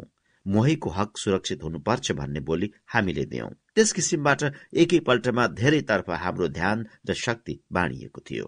एउटा यत्रो ठूलो समस्या थियो अस्तित्वहीन प्रशासन र राजकीय संस्थाहरूलाई खड़ा गर्नुपर्ने प्राथमिक जिम्मेवारीको। सरकारभित्र रहेको प्रगतिशील तत्वको नेताको रूपमा र गृहमन्त्रीको रूपमा पनि मैले यी सबै काम गर्नु परेको थियो। मलाई यस कुरामा पार्टीको सहयोग पटक्कै थिएन। सैतिस। अब आयो राजाको रवैया। राजासँग मेरो अलिकति गलत फहमी भयो यस सम्बन्धमा म एउटा उदाहरण दिन चाहन्छु। राजाको जन्मोत्सव परेको थियो। म पूर्वको भ्रमण गरेर आएँ म इलाम जाँदा त्यहाँ बन्दुकहरू पड्काइकन बढाइ गर्थे। म जाँदा पनि गरे। मलाई त्यस्तो बढाइ जुनसुकै विदाईमा पनि हुन्थ्यो। सबैका बन्दुकहरू पड्काउँदा एउटा तोप थियो तोप पनि पड्काइदिए। भारतीय राजदूतले राजालाई आएर के भनेछ भने महाराजा धीराज क्या आपने बीपी कोइराला को तोप के सलामी का दिया है? म यहाँ आइपुगेको थिइनँ तर मेरो खिलाफमा राजालाई भड्काउने कुरा गर्दै भारतीय राजदूतले भनेछ उहाँ त ऐसा हुआ। उनको इतने तोप का सलामी दिया गया। म आइसकेपछि राजाले सोधे मलाई बोलाएर होइन के त्यहाँ तोप पड्क्यो? मैले भने तोप पनि पड्क्यो बन्दुक पनि पड्क्यो। कतिवटा तोप पड्क्यो? भनेर उनले सोधे। मलाई थाहा छैन कतिवटा पड्क्यो। दनादन पड्काएका थिए बढाइ गरेका थिए भनेर मैले भने। अनि त्रिभुवनले मलाई भने हेर्नुहोस् तपाईँ र मेरो सम्बन्ध बिगार्नलाई उसले आएर यसरी चुक्ति लगाएको छ। किनभने तोप दिने अधिकार त राजाको हो जस्तो कि दस तोप पड्क्यो बीस तोप पड्क्यो भने त्यो त राजाको हो। उसले आएर भन्छ सरकारले क्या गृहमन्त्रीको तोपका सलामी दिया? भनेर। त्यसरी कुरा लगाएर तपाईँ र मेरो सम्बन्ध बिगार्न आएको थियो। तपाईँ सतर्क रहनुहोला। राजा त्रिभुवन र मेरो सम्बन्धमा एउटा सामञ्जस्य थियो। उनी पनि रमाइलो गर्ने खालका महेन्द्र जस्तो अन्तर्मुखी होइन। उनलाई डान्स गर्नुपर्ने रमाइलो गर्नुपर्ने। मलाई डान्स त आउँदैन थियो तर संगीत भयो सिनेमाहरू भए मलाई मन पर्थ्यो। एक दिन के भयो भने राजाको जन्मदिन थियो। राजाले टेलिफोन गरे आज जन्मदिनमा एउटा स्पेशल सो हुन्छ तपाईँ आउनुहोला र सुशीलाजीलाई पनि लिएर आउनुहोला। म रंगमहलमा बसेको थिएँ हुन्छ भने। म गएँ सुशीला पनि गएकी थिए। कुनै अंग्रेजी सिनेमा थियो सानो थियो कुनै चाख लाग्दो थिएन। दुईजना बडा महारानीहरू र त्यहीका कर्मचारीहरू थिए अरू धेरैलाई बोलाएको थिएन। महावीर शमशेर थियो क्यारे। राजाका तीनै छोराहरू थिए। पछि मैले महेन्द्रलाई भन्दा म थिइन भन्थे। मलाई लाग्छ महेन्द्र पनि थिए। त्यसपछि त्यो सिद्धिएपछि जब हामी बाहिर आयौं त्यहाँ ठूला ठूला खम्बा भएको फल थियो। दुवै बडा महारानीहरू त बडो विनम्र किसिमबाट पछि उभिए। सुशीला र म राजासँग विदा हुन भनेर गयौं र भन्यौं राजाले सुशीलातिर फर्केर के भने भने आज गृहमन्त्रीसँग खानु छ मलाई। त्यसो हुनाले नपर्खिनुहोला। मैले अरू कुरा राम्ररी सुनिन तर बडा महारानीहरूलाई पनि उनले त्यहाँ रहन दिएनन्। नरशमशेर थिए त्यहाँ। शिक्षा मन्त्री निरपजङ राणा थिए। उनलाई बोलाएर त्यही ठाउँमा लिएर आऊ भनेर योग विग्रह हो कि नरशमशेरलाई हराए तर ठाउँको नाम बताएनन्। अनि एउटै कारमा राजा म र राजाका तीनैजना छोराहरूलाई लिएर साँझ परिसकेको थियो साम्राज्य शमशेर कहाँ लिएर गए। साम्राज्य शमशेर तिनताका खुब शानदार पार्टीहरू दिन्थे। त्यसताका एउटा भारतीय राजदूतावासमा पार्टी हुन्थ्यो र अर्को तिनै कहाँ हुन्थ्यो। एकदम तडक भडक भएको पार्टी दिन्थे उनी। रक्सी पानी जस्तो बग्थ्यो। त्यस दिन उनले राजालाई बोलाएका थिए जन्मदिनको पार्टीमा। त्यस दिन त झन् कुरै भएन। त्यहाँ अलिकति सैनिक अफिसरहरूलाई पनि बोलाएको थियो। जेनरलहरू थिए। ठिटीहरू पनि थिए। राम्रा राम्रा ठिटीहरू बोलाएका थिए। अनि ड्रिङ्क चल्यो डान्स पनि हुन थाल्यो। मैले के देखेँ भने त्यहाँ अश्लीलता बेसी भइरहेको छ। राजा गएको ठाउँमा त केही संयम राख्नुपर्छ ड्रिङ्कमा पनि संयम राख्नुपर्छ। फेरि म पनि गएको थिएँ। आर्मी अफिसरहरू मात्रै भएको भए त आर्मीको अलि चलन जस्तो पनि हुन्थ्यो। तर एउटा सिभिलियन गएको छ राजा गएका छन् र राजाका नातेदारहरू गएका छन्। मलाई उति मन परेन। के रहेछ भने एउटी केटी थिइन् त्यो राजाको मन परे कि त्यही भेट्थे।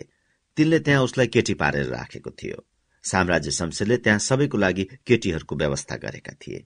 राजाको केही अलि नखर माउले त्यहाँ खण्डहरू बनेका थिए साम्राज्यको दरबारमा।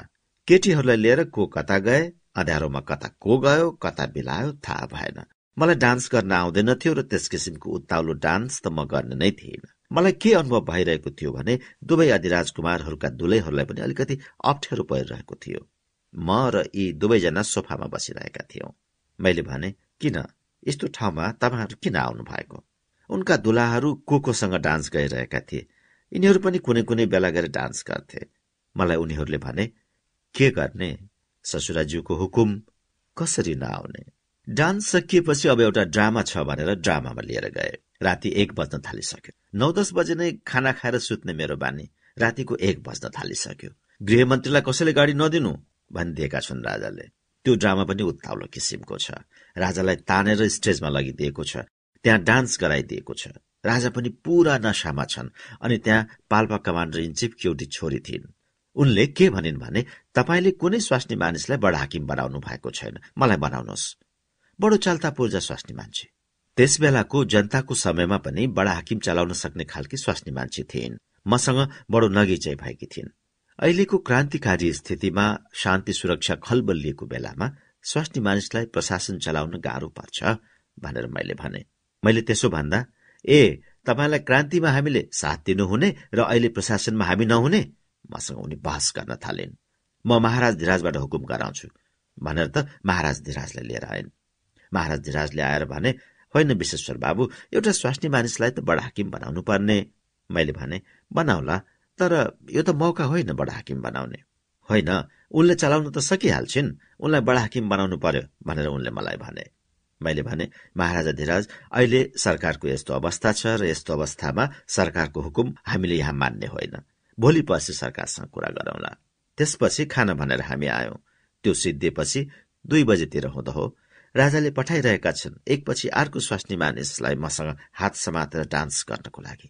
म नगएपछि राजा मनेर आए। ठिक्क नामर्द स्वास्नी मान्छेलाई भन्न जान्छन् तर स्वास्नी मानिस आएर भन्दा पनि तिमी ननाच्ने भनेर मलाई भने। त्यसपछि राजाले महसुस गरेछन् र नरशमशेरलाई भने ल गृहमन्त्रीलाई पुर्याइदेऊ र बुहारीहरूलाई पनि पुर्याइदेऊ। एक दिन जवाहरलालजीले म दिल्ली गएको बखतमा मलाई भने यी राजा तिम्रो राजा कलकत्ता आउँछन् बम्बई जान्छन् स्वास्नी मानिसहरूसँग हलुका व्यापारीहरूसँग सिन्धीहरूसँग मेलजोल गर्छन्। त्यो राम्रो भएन। त्यसो हुनाले तिमीले त्यस सम्बन्धमा राजालाई सम्झाउनु पर्यो। मैले भने राजाले मैले भनेको मान्छन्? ऊ मित्र हुन् तपाईँका? तपाईँले भनिदिनु भए हुन्छ नि? उनले भने उनी जेबे पनि राष्ट्राध्यक्ष हुन्। कसरी म तिनलाई भनौं? तर कुनै मौका पर्यो भने म तिनलाई भनौला। उनले त्यो भनेका थिए र यो पनि भनेका थिए राजाको निम्ति यो राम्रो भएन। भारतीय राजदूत सीपीएन सिन्हा मलाई के भन्छ भने दरबारभित्र राम्रा राम्रा केटीहरूलाई राखिदेऊ न उनीहरूलाई फिकिर के थियो भने राजालाई अरूहरूले सम्पर्क गर्लान्। बाहिर गएको बखतमा। सायद त्यो फिकिर थियो उनीहरूलाई या हुन सक्छ उनको इज्जतको पनि फिकिर थियो। जवाहरलालजीलाई त उनको इज्जतकै फिकिर थियो। त्यही ताका बिजु पटनायक आएको थियो। बडो राम्रो सम्बन्ध थियो उसको मसँग पहिलेदेखि नै। त्यसले पनि भन्यो मलाई पनि अति उपदेश दियो। आप भी बहुत छोकरीबाजी करता मालुम होता है। जवाहरलालजीले चिठी लेखेछन् मलाई त लेख्दिन भनेका थिए। लामो चिठी लेखेछन् महाराजा धिराजलाई। त्यो राजदूतले लिएर आएको रहेछ। चिठी पढेपछि त आगो भए राजा। अनि उसले के भनेछ राजालाई भने अस्ति गृहमन्त्री गएर कुरा लगाएर लेख्न लगाएको हो जवाहरलालजीलाई। पूरा पेज राम्रो लेखेको छ त्यस चिठीमा। अन्तिम प्रकरण छ अर्को पेजमा। त्यसमा के लेखेछन् भने एउटा बडो अप्ठ्यारो कुरा पनि लेख्न मन लागेको छ तर मित्रले लेख्न सक्छ भनेर म लेखिरहेको छु कि तपाईँ एउटा देशको राजा मात्र होइन। तपाईँ एउटा क्रान्तिको नेता पनि हुनुभएकोले संसारको आँखा तपाईँमाथि छ। त्यसो हुनाले तपाईँ के गर्नुहुन्छ कसो गर्नुहुन्छ भन्ने कुरा तपाईँको जनताले पनि हेर्दैछन्। तपाईँलाई संसारले पनि हेर्छ। तपाईँले बीचबीचमा हिन्दुस्तानका यी ठूल्ठूला शहरहरूमा आउनु भएन र अलिकति तपाईँले संयमसँग बस्नुभयो भने राम्रो हुन्छ कि? अनि त्यसमा राजाले मसँग रिसाउनु पर्ने कारण किन पर्यो भने त्यो मैले कुरा लगाएर लेख्न लगाएँ भनेर। मलाई बोलाए म गएँ। होइन तपाईँले विदेशको प्राइम मिनिस्टरलाई किन कुरा लगाउनु पर्यो? मलाई नै भनेको भए भइहाल्थ्यो नि भनेर उनले सोधे। उनले मलाई चिठी दिए। हेर्नुहोस् यी चिठी भनेर। त्यो पढिसकेपछि मैले भने अनि मैले कसरी कुरा लगाएको भए त? उनले भने भारतीय राजदूतले भन्यो। त्यसमा आधा सत्य पनि हो कुरा भएको थियो मैले भनेको थिएँ तपाईँले मैले भनेको कुरा भनिदिनु भएन। अब मलाई बडो अप्ठ्यारो पर्यो मैले भने यस्तो कुरा भएको थिएन। उनले यो आफैले लेखेका होलान्। मैले उनलाई शान्त पार्दै भने मसँग उनी आगो भएका थिए। मैले भने मसँग रिसाउनु पर्ने कारण म देख्थिन। तर मसँग त्यस कुरामा राजाको मन सफा भएन। राजाका दरबारीहरू राजालाई उखासिरहन्थे। पहिलाको प्रधानमन्त्री कति बलिया थिए। राजालाई त अहिले टेर्दै टेर्दैनन्। गृहमन्त्रीले खुट्टा चढाएर बस्यो। यसो गर्यो उसो गर्यो भनेर। एक दुईचोटि उनले मलाई भने भने होइन तपाईँको र मेरो स्वभाव मिल्छ मातृका बाबुसँग मिल्दैन। तर के भइरहेको छ? तपाईँसँग मेरो ठ्याक मिल्न लागेको छैन। अडतिस त्यस बखतमा विद्यार्थीहरूको आन्दोलन भयो। विद्यार्थीहरूको आन्दोलन हुनेमा धेरैजसो गुप्तचरहरू थिए। मेरो धारणा छ विद्यार्थीहरूको आन्दोलनमा गुप्तचरहरू असाध्य घुसेका हुन्छन्। विद्यार्थीहरू आफै भन्छन् त्यसलाई नपत्याउनु भनेर। त्यस बखतमा पनि त्यो हुन्थ्यो। त्यसमा एक दुईजनाको नाउँ त म आफै सम्झन्छु। म कहाँ उनीहरू आए बेलुका मिटिङ गर्छु भनेर। आज त हामी अवज्ञा गर्छौं भनेर। मैले भने अनुमति ल्याऊ न। उनीहरूले भने हामी अनुमति लिँदैनौ। मैले भने त्यसो भएदेखि तिमीहरूले गृहमन्त्रीलाई सूचना दियौ मिटिङ गर्छौ भनेर। ठिक छ गर। मैले त्यसरी व्याख्या गरेँ। उनीहरूले भने हामीले अनुमति मागेका होइनौ। अनि त्यस्तै त्यस्तै कुरा गर्न लागे। मैले भने जे गर्छौ गर। उनीहरूले मिटिङ गरे मैले पुलिसलाई खबर गरेँ केही नगर्नु भनेर। मिटिङ गरेर के हुन्थ्यो? मिटिङ गरे हल्ला गरे पुलिसले प्रतिक्रिया गरेन। त्यसपछि जुलुस बनाएर हिँड्नुपर्छ भने। साँझ भइसकेको थियो जुलुस बाँधेर हिँडे। जुलुस बाँधेर हिँड्दा पनि पुलिस चुप लागेर बसिदिएको थियो। यताउति केही गरेन। त्यसपछि त्यो जुलुस पुलिसको हेडक्वार्टर हनुमान ढोका थियो त्यहाँ पस्यो। तिनीहरूले पुलिस स्टेशनमाथि धावा गरे। ढोकामा बसेको चपटेको बन्दुक खोसेर हुल गरे। त्यति हुँदा पुलिसले फायरको आदेश गर्यो। फायर हुँदा एक दुईजनालाई लाग्यो एकजना मर्यो एकजना घाइते भयो। मर्ने मान्छे त मरिहाल्यो जसलाई गोली लाग्यो त्यो गुप्तचर थियो। गोली लाग्ने मान्छे सैदुद्दिन पुलिसको गुप्तचर थियो। पछि मोहन शमशेरले त्यसको इलाजको खर्च बेहोरेको छ। त्यो पछिसम्म गुप्तचर थियो। त्यो सूर्य बाबुलाई थाहा छ त्यो गुप्तचर थियो। उहाँ गृहमन्त्री हुनुहुँदा थाहा थियो त्यो गुप्तचर थियो। तिनीहरूले धावा गरेका थिए। दुरुत्साहकहरूबाट त्यो काण्ड भएको थियो र गोली चलेको थियो। मलाई गोली चल्यो भनेर थाहा थिएन। त्यसपछि पिटिआईको मान्छे आयो गोली चल्ने बित्तिकै। आएर भन्यो त्यहाँ गोली चल्यो के भएको हो? यस सम्बन्धमा तपाईँको के भनाइ छ? मैले भने होइन गोली चलेको भए खबर मलाई आउँथ्यो। उसले भने होइन म त्यहीँबाट आएको हुँ। म त्यही थिएँ। एकजना मर्यो अस्पताल पुगेपछि र अर्को घाइते भएर भर्ती भइरहेको छ। मैले भने मलाई कुनै जानकारी छैन। उसले भन्यो के सरकारको नीति यो नै छ कि त्यहाँ कुनै फायरिङ भएन भन्ने? मैले भने होइन होइन त्यसो होइन। मलाई त्यसको बारेमा कुनै जानकारी छैन। पर्ख म पुलिस हेडक्वार्टरमा फोन गर्छु। अनि मैले टेलिफोन गरेँ। टेलिफोन गर्दा उनीहरूले सारा कुरा मलाई बताए। मैले उसलाई अनि त्यस घटनाको विवरण बताएँ। त्यो एउटा निमित्त बनाए मलाई उखाड्नलाई। चिन्या काजी त्यो गोली लाएर मर्ने हाम्रै पार्टीको मान्छे थियो। त्यो कुनै नेता पनि थिएन केही पनि थिएन। एक ठाउँमा हुलमाल भयो त्यसलाई गोली लाग्यो त्यो मर्यो। त्यो हस्पिटल गएर मर्यो त्यो मरेपछि भोलिपल्ट त्यसको जुलुस आयोजना गरेर लिएर जाने भए। मैले भने अह त्यसो गर्दा झन् त्यहाँ लुटपिटको डर हुन्छ। त्यो गर्न दिन्न। क्याबिनेट बस्यो। जस्तो क्याबिनेट बसेको थियो म माथि आक्रमण हुँदाखेरि असाधारण त्यस्तै किसिमको असाधारण क्याबिनेट बस्यो दरबारमा राजाले अध्यक्षता गरेको। अब म त्यहाँ अभियुक्त जस्तो भए। साराले आक्रमण गरिरहेका छन्। मलाई नै दोष लगाइरहेका छन्। अनि त्यो गोविन्द नारायणले के भन्यो भने यस देशलाई के भइरहेको छ? विद्यार्थीहरू गल्लीका कुकुर सारा मारिँदैछन् काठमाडौँमा। मलाई छोक चल्यो मैले भने गोविन्द नारायण तिमी युपीको कर्मचारी हौ। युपीको कुनै एउटा सहरको नाउँ ल्याऊ जहाँ तिम्रो आदेशले विद्यार्थीहरू मारिएका छैनन्। वाह्यात कुरा नगर। त्यसपछि ऊ चुप लागेर बस्यो। उसले त सम्झेको थियो म जवाबै दिन्न भनेर। तर त्यहाँ म एक्लो थिएँ क्याबिनेटमा। मेरो के तर्क थियो भने लास्टलाई सार्वजनिक प्रदर्शन गर्न हुँदैन किनभने त्यसले गर्दा झन विध्वंसात्मक शक्ति प्रोत्साहित हुन्छ र सरकार कमजोर भएको देखिन्छ। अहिलेको अप्ठ्यारो क्रान्तिकारी परिस्थितिमा सरकार कमजोर भएको छ भन्ने कुराको भान कुनै पनि तत्वको मनमा पर्यो भने विध्वंसात्मक तत्वलाई लाग्यो भने उनीहरूले त्यस परिस्थितिको फाइदा उठाउनेछन्। मैले त्यो दृष्टिकोण लिएँ। त्यसो हुनाले मेरो भनाइ के थियो भने त्यो लास उसको परिवारका सदस्यहरूलाई चुपचाप दिनुपर्छ। त्यस प्रकारले प्रदर्शन गराएर होइन। मलाई के लाग्यो भने एउटा अवसरमा म एउटा नाटकीय तरिकाबाट राजीनामा गरौं भनेर म सोच्दै थिएँ। किनभने यस प्रकारबाट जनतालाई पनि भड्काइदिएको छ। हरेक ठाउँबाट विरोध र असहयोग छ र म आफ्ना कुराहरू भन्न पाइरहेको छैन राजीनामा गरेर म फुक्का हुन्छु भने जस्तो मलाई लाग्यो। सरकारमा बस्दाखेरि त सरकारको उत्तरदायित्वहरू हुन्छन् कानून र व्यवस्थाको उत्तरदायित्व हुन्छ। कानून र व्यवस्थालाई बिथोल्न हाम्रै पार्टी नै तयार हुन्छ भने म किन सरकारमा बस्ने भन्ने मेरो धारणा भयो। मैले त्यसको लागि अवसर कहिले पाएँ भने हाम्रो क्रान्ति प्रारम्भ भएको दिन एघार नोभेम्बर थियो। त्यसलाई हामीले क्रान्ति दिवसको रूपमा मनाउने भनेका थियौं। त्यही दिन नै राजा एक वर्ष अघि भागेर यहाँबाट गएका थिए। क्रान्ति दिवसको उपलक्ष्यमा हाम्रो अफिसको अगाडि झण्डोत्तोलन गर्न भनेर मलाई बोलाए र म गएँ। त्यस दिन मैले त्यहाँ के भने भने म यहाँबाट सिधा रेडियो नेपालमा जान्छु र म आफ्नो राजीनामा घोषित गर्छु। त्यहाँबाट अनि म राजदरबार जान्छु र मेरो राजीनामा म राजालाई दिन्छु। त्यो कुरा मैले त्यही घोषणा गरिदिएँ। हाम्रो पार्टी अफिस थियो नयाँ सड़कको छेउपट्टिको एउटा सड़कको किनारमा। त्यहाँ त्यति मैले बोले र म गएँ रेडियो नेपालमा। गएर त्यहाँ घोषित गरे देशको परिस्थिति यस्तो छ र मैले यस कारणले राजीनामा गर्न लागे भनेर। रेडियोबाट बोलिसकेपछि म सिधै राजदरबारमा गएँ र त्यहाँ गएर महाराजा धिराजलाई भने यो लिनुहोस् मेरो राजीनामा। महाराजा धिराजले भने यत्रो हतार किन? महाराजा धिराज अब विरोधमा के भन्न थाले भने मलाई नभनेर यो रेडियोबाट किन राजीनामा घोषित गरेको? मैले भने अब यी सब कुराहरू छैनन्। यहाँ जनतालाई गृहमन्त्रीको खिलाफ भड्काउने रे। आफ्नो राजीनामा दिनुभन्दा अघि म जनतालाई विश्वासमा लिन चाहन्थे र त्यसो हुनाले मैले त्यसरी घोषणा गरे। राजाले भने यो तपाईँ र मेरो पो त कुरा थियो राजा र गृहमन्त्रीको। मैले यो कुरा पहिले थाहा पाउनु पर्ने थियो। मैले यो कुरा रेडियोबाट सुने। म पनि झोकमा थिएँ मैले आफ्ना कुराहरू भने। मैले राजीनामा दिने बित्तिकै त्यो सरकार पनि ढल्यो।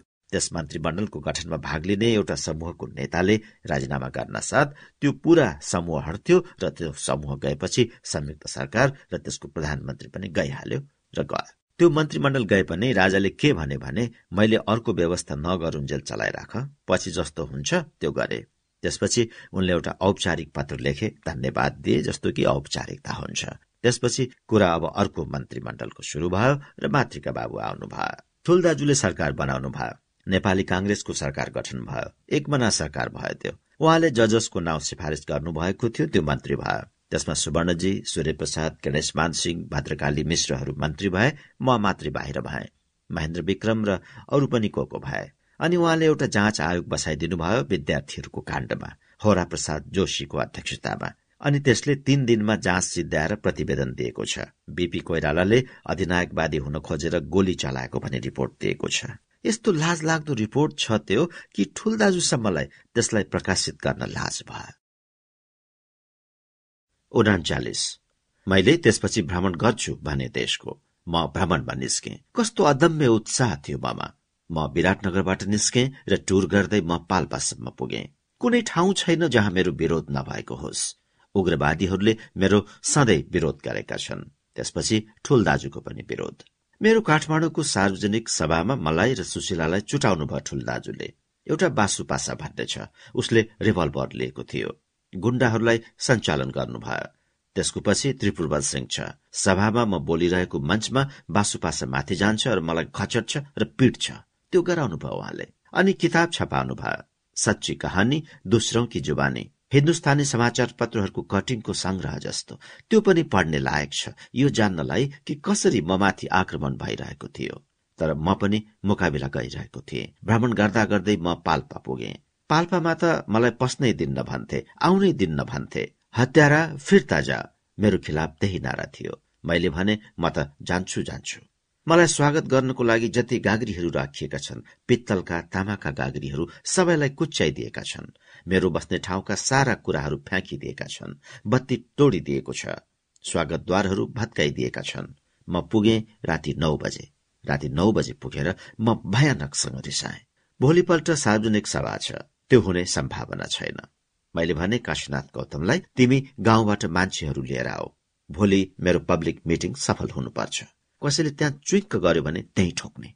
मैले त्यो सबैलाई सुनाएर भने र भने त्यसो हुनाले त्यो गर्न सक्छौ भने सभा गर्ने नत्र भाइ गयो। सभा गर्ने भनेर मानिसहरू दौडा दौड रातारात गरेर लागे। त्यहाँ एउटा सबभन्दा ठूलो सभा भयो। मैले भाषण गरे। एकदम शान्त सभा थियो। त्यहाँ दुई तीनजना अमेरिकनहरू थिए सायद रिप्ले भन्ने पनि। पछि उनीहरूको कुरा सुनेर मलाई चिठी पठाएको छ एकजनाले।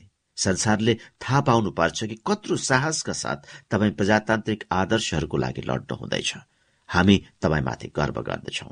त्यही बखतमा म त्यही छँदा मैले पार्टीका साथीहरूलाई भेटघाट गरिरहँदा यहाँ काठमाडौँमा केआई सिंहले विद्रोह गरिदिएको खबर पाए। रेडियो समाचारहरूद्वारा त्यो खबर थाहा पाए। गणेश मानजी वार्ता गर्दै हुनुहुँदो रहेछ। गणेश मानजीको भूमिका जहिले पनि के देखेको छु भने बीच बीचवाला हुन्छ। गणेश मानजीलाई पत्याउँछन् अरूलाई पत्याउँदैनन्। गणेश मान्जीलाई पत्याउँछन् केआई सिंहहरू पनि। मेरो खिलाफमा जुन दोषारोपणहरू छन् गणेश मान्जीको खिलाफमा छैनन्। मेरो मन्त्रीमण्डलमा लागेको आरोप त त्यस मन्त्रीमण्डलमा बस्ने गणेश मान्जीलाई पनि लागेको हो। तर उहाँ ठुलदाजुको मन्त्रीमण्डलमा पनि बस्नु भएको छ। यो उहाँको राजनीतिक सतर्कताको उदाहरण हो। गणेश मान्जी वार्ता गइरहनु भएको छ। दुवैतर्फ सम्पर्क राखेर। केआई सिंहले सेनालाई सञ्चालित गरेको छ। भागा भाग भएको छ। मन्त्रीहरू सबै भागेर राजदरबार गएका छन्। सेना आएको छ। उसले बन्दुक लिएर बसेको छ। अब कसो गर्ने भन्ने समस्या छ। केआई सिंह पर्खिरहेको रहेछ। नखुबाट उसको मानिसहरू छुट्ने।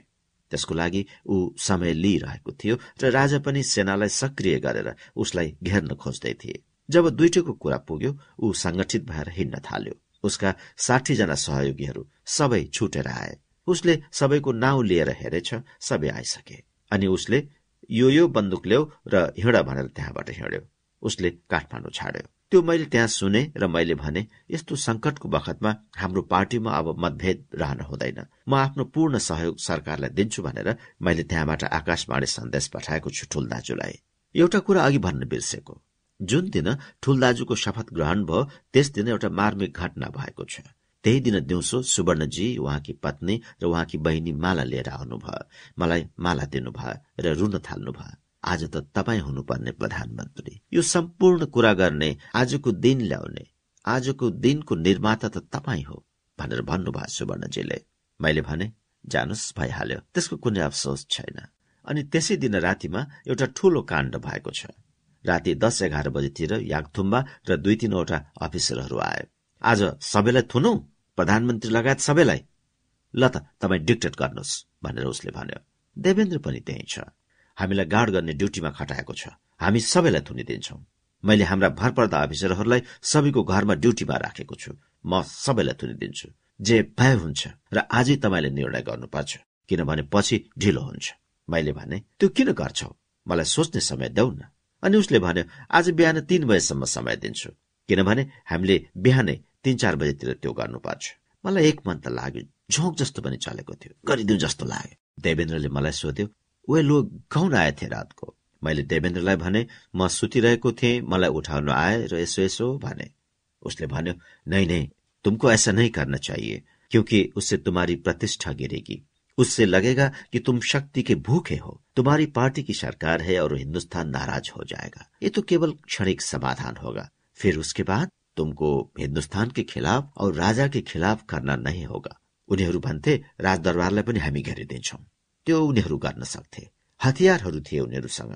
त्यो उनीहरू गर्न सक्थे। तर देवेन्द्रले मलाई रोक्यो। मलाई पनि त्यसो गर्नु उति रुचिकर जस्तो लागेको थिएन। अनि ऊ आयो राति तीन बजे। मैले भने भयो हुँदैन नगर। फेरि सोच्नुहोस्। भनेर उसले भन्यो। मैले भने गर्दैन छोडिदेऊ। तिमी आफ्नो पूरा वफादारी यस नयाँ सरकारलाई देऊ। अनि उनीहरूले सल्युट गरे। गए। केआई सिंहका एक दुई कुराहरू भनौ। केआई सिंहले त्यो दिल्ली सम्झौता वा समाधान जो थियो त्यसलाई मानेन। उसले के भन्यो भने मेरो जुन लक्ष्य थियो भैरवाको त्यो मैले पूरा नगरिकन म युद्ध विराम गर्दैन। उसको हातमा तीन सय सैनिक थिए। उसले अस्वीकार गर्छ। उसले सरकारको विरूद्धमा विद्रोह गर्छ। उसले त्यसो गर्दा मैले केआई सिंहलाई गिरफ्तार गर्ने आदेश दिए। अर्को बालचन्द्र शर्मा। तिनले पनि भयानक लुटपिट र उत्पात गरे भन्ने रिपोर्ट आयो। म गृहमन्त्री थिएँ मैले तिनलाई पनि गिरफ्तार गर्ने आदेश दिएँ। तिनी पनि गिरफ्तार भए। यसमा के भएको छ भने त्यो गर्दा बोर्डर पुलिसहरू मिलिकन गरेका छन्। सेना प्रयोग भए जस्तो मलाई लाग्दैन। त्यसपछि के भयो भने उनीहरू गिरफ्तार भएर बाहिर हावामा राखिए। मोहन शमशेरको मानिस बडा हाकिम थियो त्यहाँ कुम्भ सिंह भन्ने। पीबी मल्ल पनि त्यही थियो। तिनीहरूले मिलेर एउटा षड्यन्त्र गरेका थिए। मोहन शमशेरले क्याई सिंहसँग सम्पर्क गरेको थियो। उनीहरू उसको मार्फत जान थाले। पीबी मल्लको मार्फत। हरि शमशेरले उसलाई खर्च पठाएछन्। आफ्नो सुनको थाल बेचेर। त्यो भाग्यो जेल तोडेर। त्यो भाग्दाखेरि भारतीय सेनालाई प्रयोग गरिकन त्यसलाई गिरफ्तार गर्नु पर्यो र गिरफ्तार गरेर त्यसलाई यहाँ ल्याइयो। मेरो मन्त्रीमण्डल छँदैको त्यो कुरा थियो। त्यसै ताकाको कुरा हो। रक्सोलमा एउटा सम्मेलन भएको थियो। बोर्डरमा धेरै लुटपाट हुन थाल्यो। सामान्य नागरिक प्रशासन ध्वस्त भइसकेको थियो। पुलिसहरू पर्याप्त थिएनन्। हाम्रा क्रान्तिकारीहरूसँग हतियारहरू हिन्दुस्तान गइरहेका थिए र त्यहाँबाट आइ पनि रहेका थिए। ती सबै कुराहरूले गर्दा हाम्रो जिल्ला बडा हाकिमहरू र उनीहरूको जिल्ला मेजिस्ट्रेटहरूको एउटा सम्मेलन भयो रक्सौलमा। मैले त्यसको सभापतित्व गरे। कसरी रोकथाम गर्ने भनेर। भारतीय राजदूत पनि त्यहाँ पुगेको थियो। हामीले एउटा सामान्य परिस्थितिलाई ध्यानमा राखेर होइन एउटा एकदम असामान्य परिस्थितिलाई ध्यानमा राखेर रोकथामको उपाय गर्ने कुरा थियो। त्यहाँ त अरू अनेक कुराहरू जो सामान्यत हुन्छन् भए कसलाई कता सुपुर्दगी गर्ने नगर्ने कुराहरू। त्यो सम्मेलन शुरू हुनुभन्दा अगावै मैले बालचन्द्र शर्मालाई रिहा गर भनेर आदेश दिएको थिएँ र उनी रिहा भए। मैले क्याई सिंहलाई राम्ररी व्यवहार गरेर राख्नु भनेको थिएँ र त्यही बमोजिम भएको थियो। त्यस सम्मेलनमा भाग लिने गोरखपुरको कमिश्नर एउटा बाहुन थियो। त्यो मर्चबारका मानिसको सम्बन्धी जस्तो थियो जसलाई क्याई सिंहका मान्छेहरूले खुब दुःख दिएका थिए। भयानक शोषक थियो मर्चबारको त्यो मान्छे। त्यससँग नाता पर्दथ्यो त्यस अफिसरको। ऊ चाहन्थ्यो बालचन्द्र शर्मालाई पाठ पढाउन। उसले भन्यो त्यो खुनी त्यो डाका गर्ने मान्छेलाई हाम्रो मदतले पक्रनुहुन्छ र हामीसँग सल्लाह नगरेर छोड्नुहुन्छ। मैले भने त्यसलाई किन हत्यारा भनेको? हाम्रो क्रान्तिमा मैले मानिस मारेको छु। केलाई लुट भन्छौ? क्रान्तिमा कानून बेगर मैले ट्याक्स उठाएको छु मेरो सेनाको खर्चको लागि। तिम्रो सामान्य आँखाबाट त्यो हत्या होला लुट होला। तर क्रान्तिको बखतमा त हत्या पनि हुन्छ लुट पनि हुन्छ। त्यसलाई अब आएर अपराध भन्न त पाइँदैन। कस्तो असामान्य परिस्थितिमा विराटनगरमा लडाईँ भयो। त्यसमा कति मान्छे मारिए कति सम्पत्तिको हिनामिना भयो। के त्यसलाई हत्या भयो र लुट भयो भन्छन्? त्यसो हुनाले क्रान्तिकारी नैतिकताको सिद्धान्त अनुसार यी सब कुराहरू भएका छन्। त्यसभन्दा पनि बेसी भएको भए क्रान्तिकारी नेतृत्वले विचार गर्छ। तर ती सब कुरा क्रान्तिकारी परिस्थितिका सामान्य घटनाहरूलाई लुट र हत्या भन्न पाइँदैन। त्यो एउटा सिद्धान्त मैले त्यहाँ राखेँ। त्यसपछि पनि मसँग उनीहरू बहस गर्दै थिए। मैले त्यहाँ भनिदिएँ उनी हाम्रा बन्दी हुन्। उनीहरूले भने त्यसलाई पक्रनमा त हाम्रो पनि हात छ। मैले भने ठिक छ हामी त्यसको लागि धन्यवाद पूर्ण छौं। तर उनी हाम्रा बन्दी हुन् र गृहमन्त्रीले उनलाई रिहा गर्न उचित सम्झेको छ। अनि केआई सिंह भैरवबाट भागेकोलाई फेरि पक्राउ गरी लिएर आए। कहाँ राख्ने भनेर भने मैले त्यही सिंहदरबारमा राख्नु भनिदिए। तर मैले गणेश मान्जीलाई के भने भने त्यसलाई राम्ररी हेर्नुहोला र अलिकति दिन राखेर त्यसलाई छोडिदिनु पर्छ भन्ने मेरो विचार छ। ऊ जहिले पनि भन्ने म बिपी बाबुसँग भेट्छु। मेरो अफिस माथि छ सिंहदरबारको माथिल्लो तलामा। उसलाई थुनेको छ त्यसको एउटा छिडी कोठामा। एउटा गारद छ त्यसैमा उसलाई राखेको थियो। गणेश मानजी उसलाई भेट्न रोज जानुहुन्थ्यो। उसको खानापिनाको सबै विचार गर्नुहुन्थ्यो। त्यो पनि गरिदिनु मेरो निम्ति ठिक थियो कि थिएन तर त्यो मैले गर्न लगाए। जबसम्म म गृहमन्त्री थिएँ उसलाई छुटौला भन्ने भर थियो। तर मेरो सरकार गइसकेपछि र मातृका बाबुको सरकार भएपछि उसले आशा हरायो र त्यसलाई भगाउनमा फेरि मेरो आफ्नो धारणा के छ भने हरिशमशेरको हात छ। त्यो काण्ड गराउनमा पनि। त्यो काण्ड गराएको पनि हौसला दिएको पनि मोहन शमशेर र हरिशमशेरले हो। केआई सिंह त्यहाँबाट गायब भयो भाग्यो। भाग्यो समात्न सकिएन। तिब्बत पस्यो। तिब्बतबाट पेकिङ गयो र त्यहाँ कति वर्ष बसेर फर्केर आयो। आउँदाखेरि ऊ हरिशमशेरको पाहुना भयो। बडो अचम्मको कुरा थियो। तिब्बतबाट आउँदा राजाले त्यसलाई यत्रो ठूलो स्वागतको व्यवस्था गराए। नाटकीय किसिमको व्यवस्था। त्यो आउँछ। त्यसपछि त्यहाँ मिटिङ हुन्छ जहाँ अनुमति पाइँदैन अरूलाई मिटिङ गर्न। टुडी खेलको त्यस ठाउँमा सार्वजनिक मिटिङ गर्ने चलन थिएन। उसले त्यहाँ मिटिङ गर्न पायो। सम्पूर्ण देश उसले भ्रमण गर्यो। मञ्चमा दुईटा सेनाको सुरक्षा गार्ड लिएर जान्छ। सबैलाई लाग्न थाल्यो कि महाराजा धिराजले पठाएको मान्छे हो। र ठाउँ ठाउँमा म महाराजा धिराजबाट खटिएर आएको।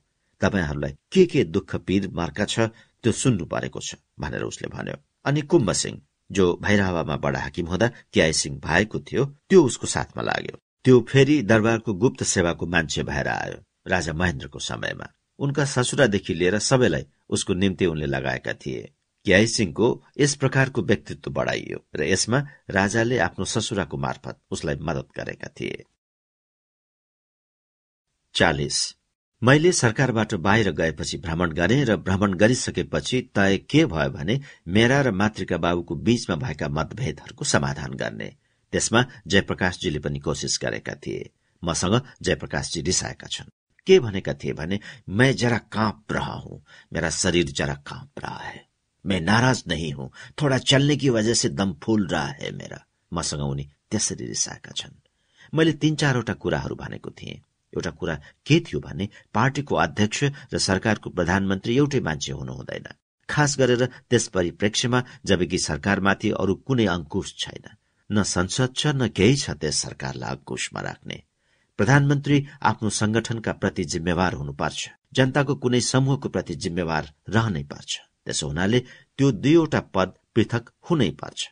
सरकारमाथि त्यसको नियन्त्रण रहनुपर्छ, सरकार पार्टीद्वारा नियन्त्रित हुनुपर्छ। मेरो विचार त्यो थियो। जयप्रकाश जी भन्थे, कैसे सरकार पार्टी से नियंत्रण होगा? यहाँ जवाहरलाल जी उसको मानेंगे? मैले भने, यहाँ तो सरकार संसद के नियन्त्रण में है, लेकिन हमारे यहाँ तो संसद नहीं है। त्यही सब कुराहरू तिनीसँग भए। अनि सहमति के भयो भने म पार्टीको अध्यक्ष हुने र ठूल दाजु प्रधानमन्त्री नै रहने। कार्य समिति हामी पार्टीको अध्यक्ष र प्रधानमन्त्रीले मिलेर बनाउने कुरा भयो। एउटाले संगठनको सञ्चालन गर्ने र अर्कोले सरकार चलाउने र धेरै खिचोला नगर्ने। यो कुरा ठूल दाजुले पनि मान्नुभयो मैले पनि माने। अब कार्य समिति बनाउने कुरामा दुईचोटि ठूल दाजुले चलाकी गर्नु भएको छ। होइन त लिस्ट तयार गर न भनेर मलाई भन्नुभयो। के हुँदो रहेछ त्यो लिस्ट तयार गर्दा भने मनोवैज्ञानिक रूपमा त्यो लिस्ट ठूल दाजुलाई पनि मान्ने होस् भनेर म उहाँका मानिसहरूलाई पनि राख्थे। एघारजना राख्नु छ भने छजना आफ्नो राखौँला पाँचजना उहाँको राखौँला। यही गरिने हो सामान्यतया। त्यस लिस्टबाट उहाँ चारजना झिक्नुहुन्छ अनि पाँचजना अर्को मान्छे राख्नुहुन्छ। त्यसो गर्दा त मेरो मान्छे त एकजना पनि रहँदैन। अनि जयप्रकाशजी आएपछि भन्नुहुन्छ उसके लिस्ट में एघार लोग थे उसमें से हमने चार जने को हटाया लेकिन उसको वो मानता नहीं है। जयप्रकाश जी भन्नुहुन्छ जब मिलकर करना है तो आपको उनके आदमियों को भी तो रखना चाहिए। र यस कुरामा उहाँ मसँग बहस गर्नुहुन्थ्यो। यसो हेर्दाखेरि त हो जस्तो पनि पर्न जान्छ। ठुल दाजुको त्यो दाउ हमेसा रह्यो। त लिस्ट तयार गर भन्नुहुन्थ्यो।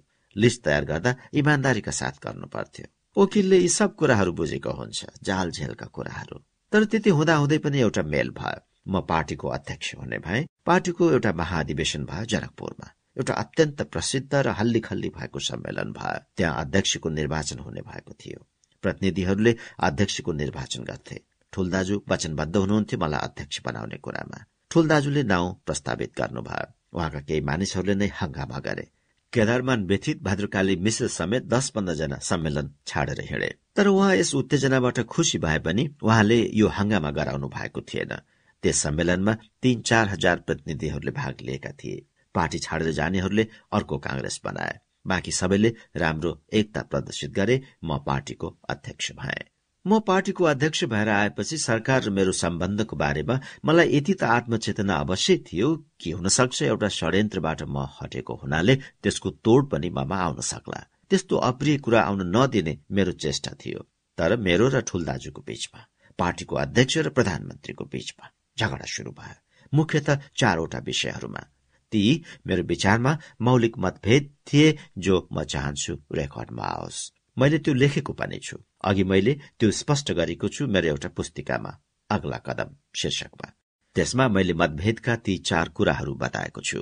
पहिलो मतभेदको एउटा बुँदा थियो राजाको बारेमा। ठुल दाजु के भन्नुहुन्थ्यो भने सरकारले राजाबाट अधिकार प्राप्त गरेको छ। निर्वाचन नभएकोले सम्पूर्ण शक्ति राजामा निहित छ। तिनले हामीलाई सरकार दिएका हुन्। उहाँको एकदम कानूनी संवैधानिक र यथास्थितिवादी तर्क थियो। मैले भने होइन। राजा पनि क्रान्तिद्वारा नै पुनर्प्रतिष्ठापित भएका हुन्।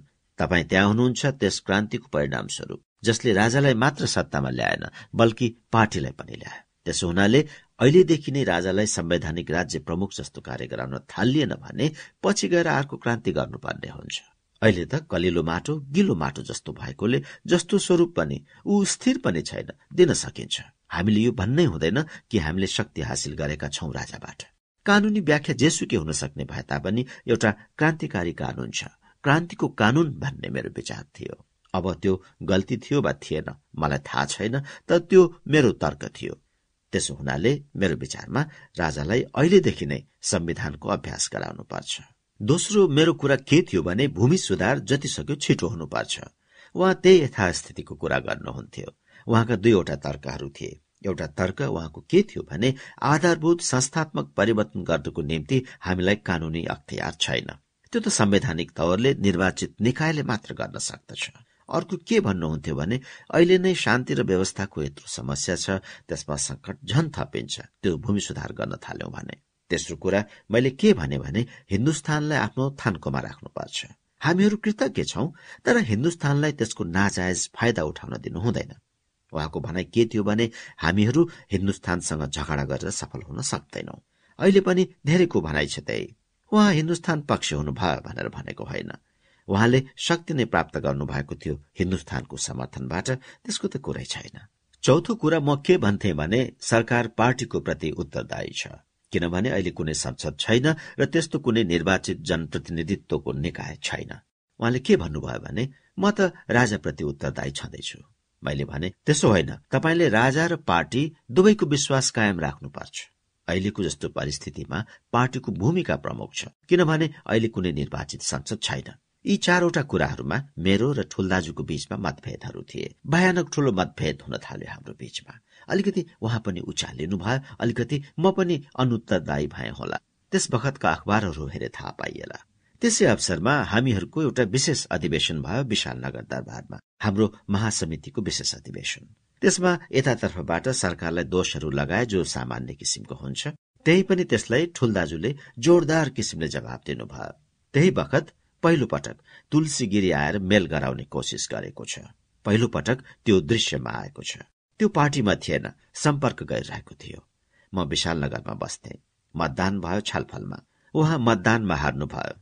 यद्यपि उहाँले आफ्नो कुरा खुबै राम्रोसँग भन्नुभएको थियो। केही सय प्रतिनिधिहरूले भाग लिएका थिए जसमध्ये तेइस चौबिस जना मात्रै उहाँसँग लागे। त्यसपछि उहाँले त्यस अधिवेशनको बहिष्कार गर्नुभयो र बहिष्कार गर्ने बित्तिकै अर्को दिन उहाँले अर्को पार्टी गठन गर्नुभयो राष्ट्रिय प्रजा पार्टी। अधिवेशनमा उहाँको खिलाफ प्रस्ताव पास भएपछि उहाँले भन्नुभयो अच्छा अब म राजीनामा गर्छु। उहाँको त कुरा मिलिसकेको रहेछ राजासँग। राजीनामा गर्नु तिमी अर्को पार्टी बनाउनु इत्यादि कुरा।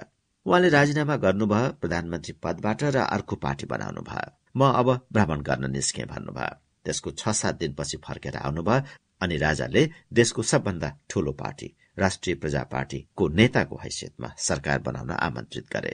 अनि हामीहरू त विरोधी दलमा भयौं। राजा त्रिभुवन मरेपछि त ठुलदाजुको हात खुट्टा नै काटिए जस्तो भयो। ठुलदाजु स्विजरल्याण्ड जान खोज्दै हुनुहुन्थ्यो। त्रिभुवनले रोकिदिए। उनले आफ्नो जेठो छोरालाई मात्रै बोलाए। त्यसबाट एउटा चिसो पस्यो। उनले अख्तियारी लिएर आए। राजा त्रिभुवन मर्नुभन्दा पहिले नै। राजाको अख्तियारी राज प्रतिनिधित्वको अधिकार लिएर आए युवराज धिराजले आउने बित्तिकै मलाई लाग्दछ राजा त्रिभुवन मर्नुभन्दा अघि नै उनले दुईटा विभाग ठुलदाजुबाट झिकिदिए। त्यसभन्दा पहिले मैले ठुल दाजुलाई भने ठुल दाजु तपाईँलाई अब छन्। त्यसो हुनाले तपाईँले केही सशक्त नाटकीय काम गर्नुपर्छ। भूमि सुधार सम्बन्धी या यस्तै कुरामा तपाईँले एउटा सशक्त आधार लिनुपर्छ। मैले त्यसो भन्दाखेरि हो र भन्नुभयो। मैले गोप्य तवरले भेटेको थिएँ उहाँलाई। पुतली सड़कमा तारणी बस्थ्यो म विशाल नगरमा बस्थे। उसले हामी दुई दाजुभाइले बोलाए जस्तो गरेर भेट गराएको थियो।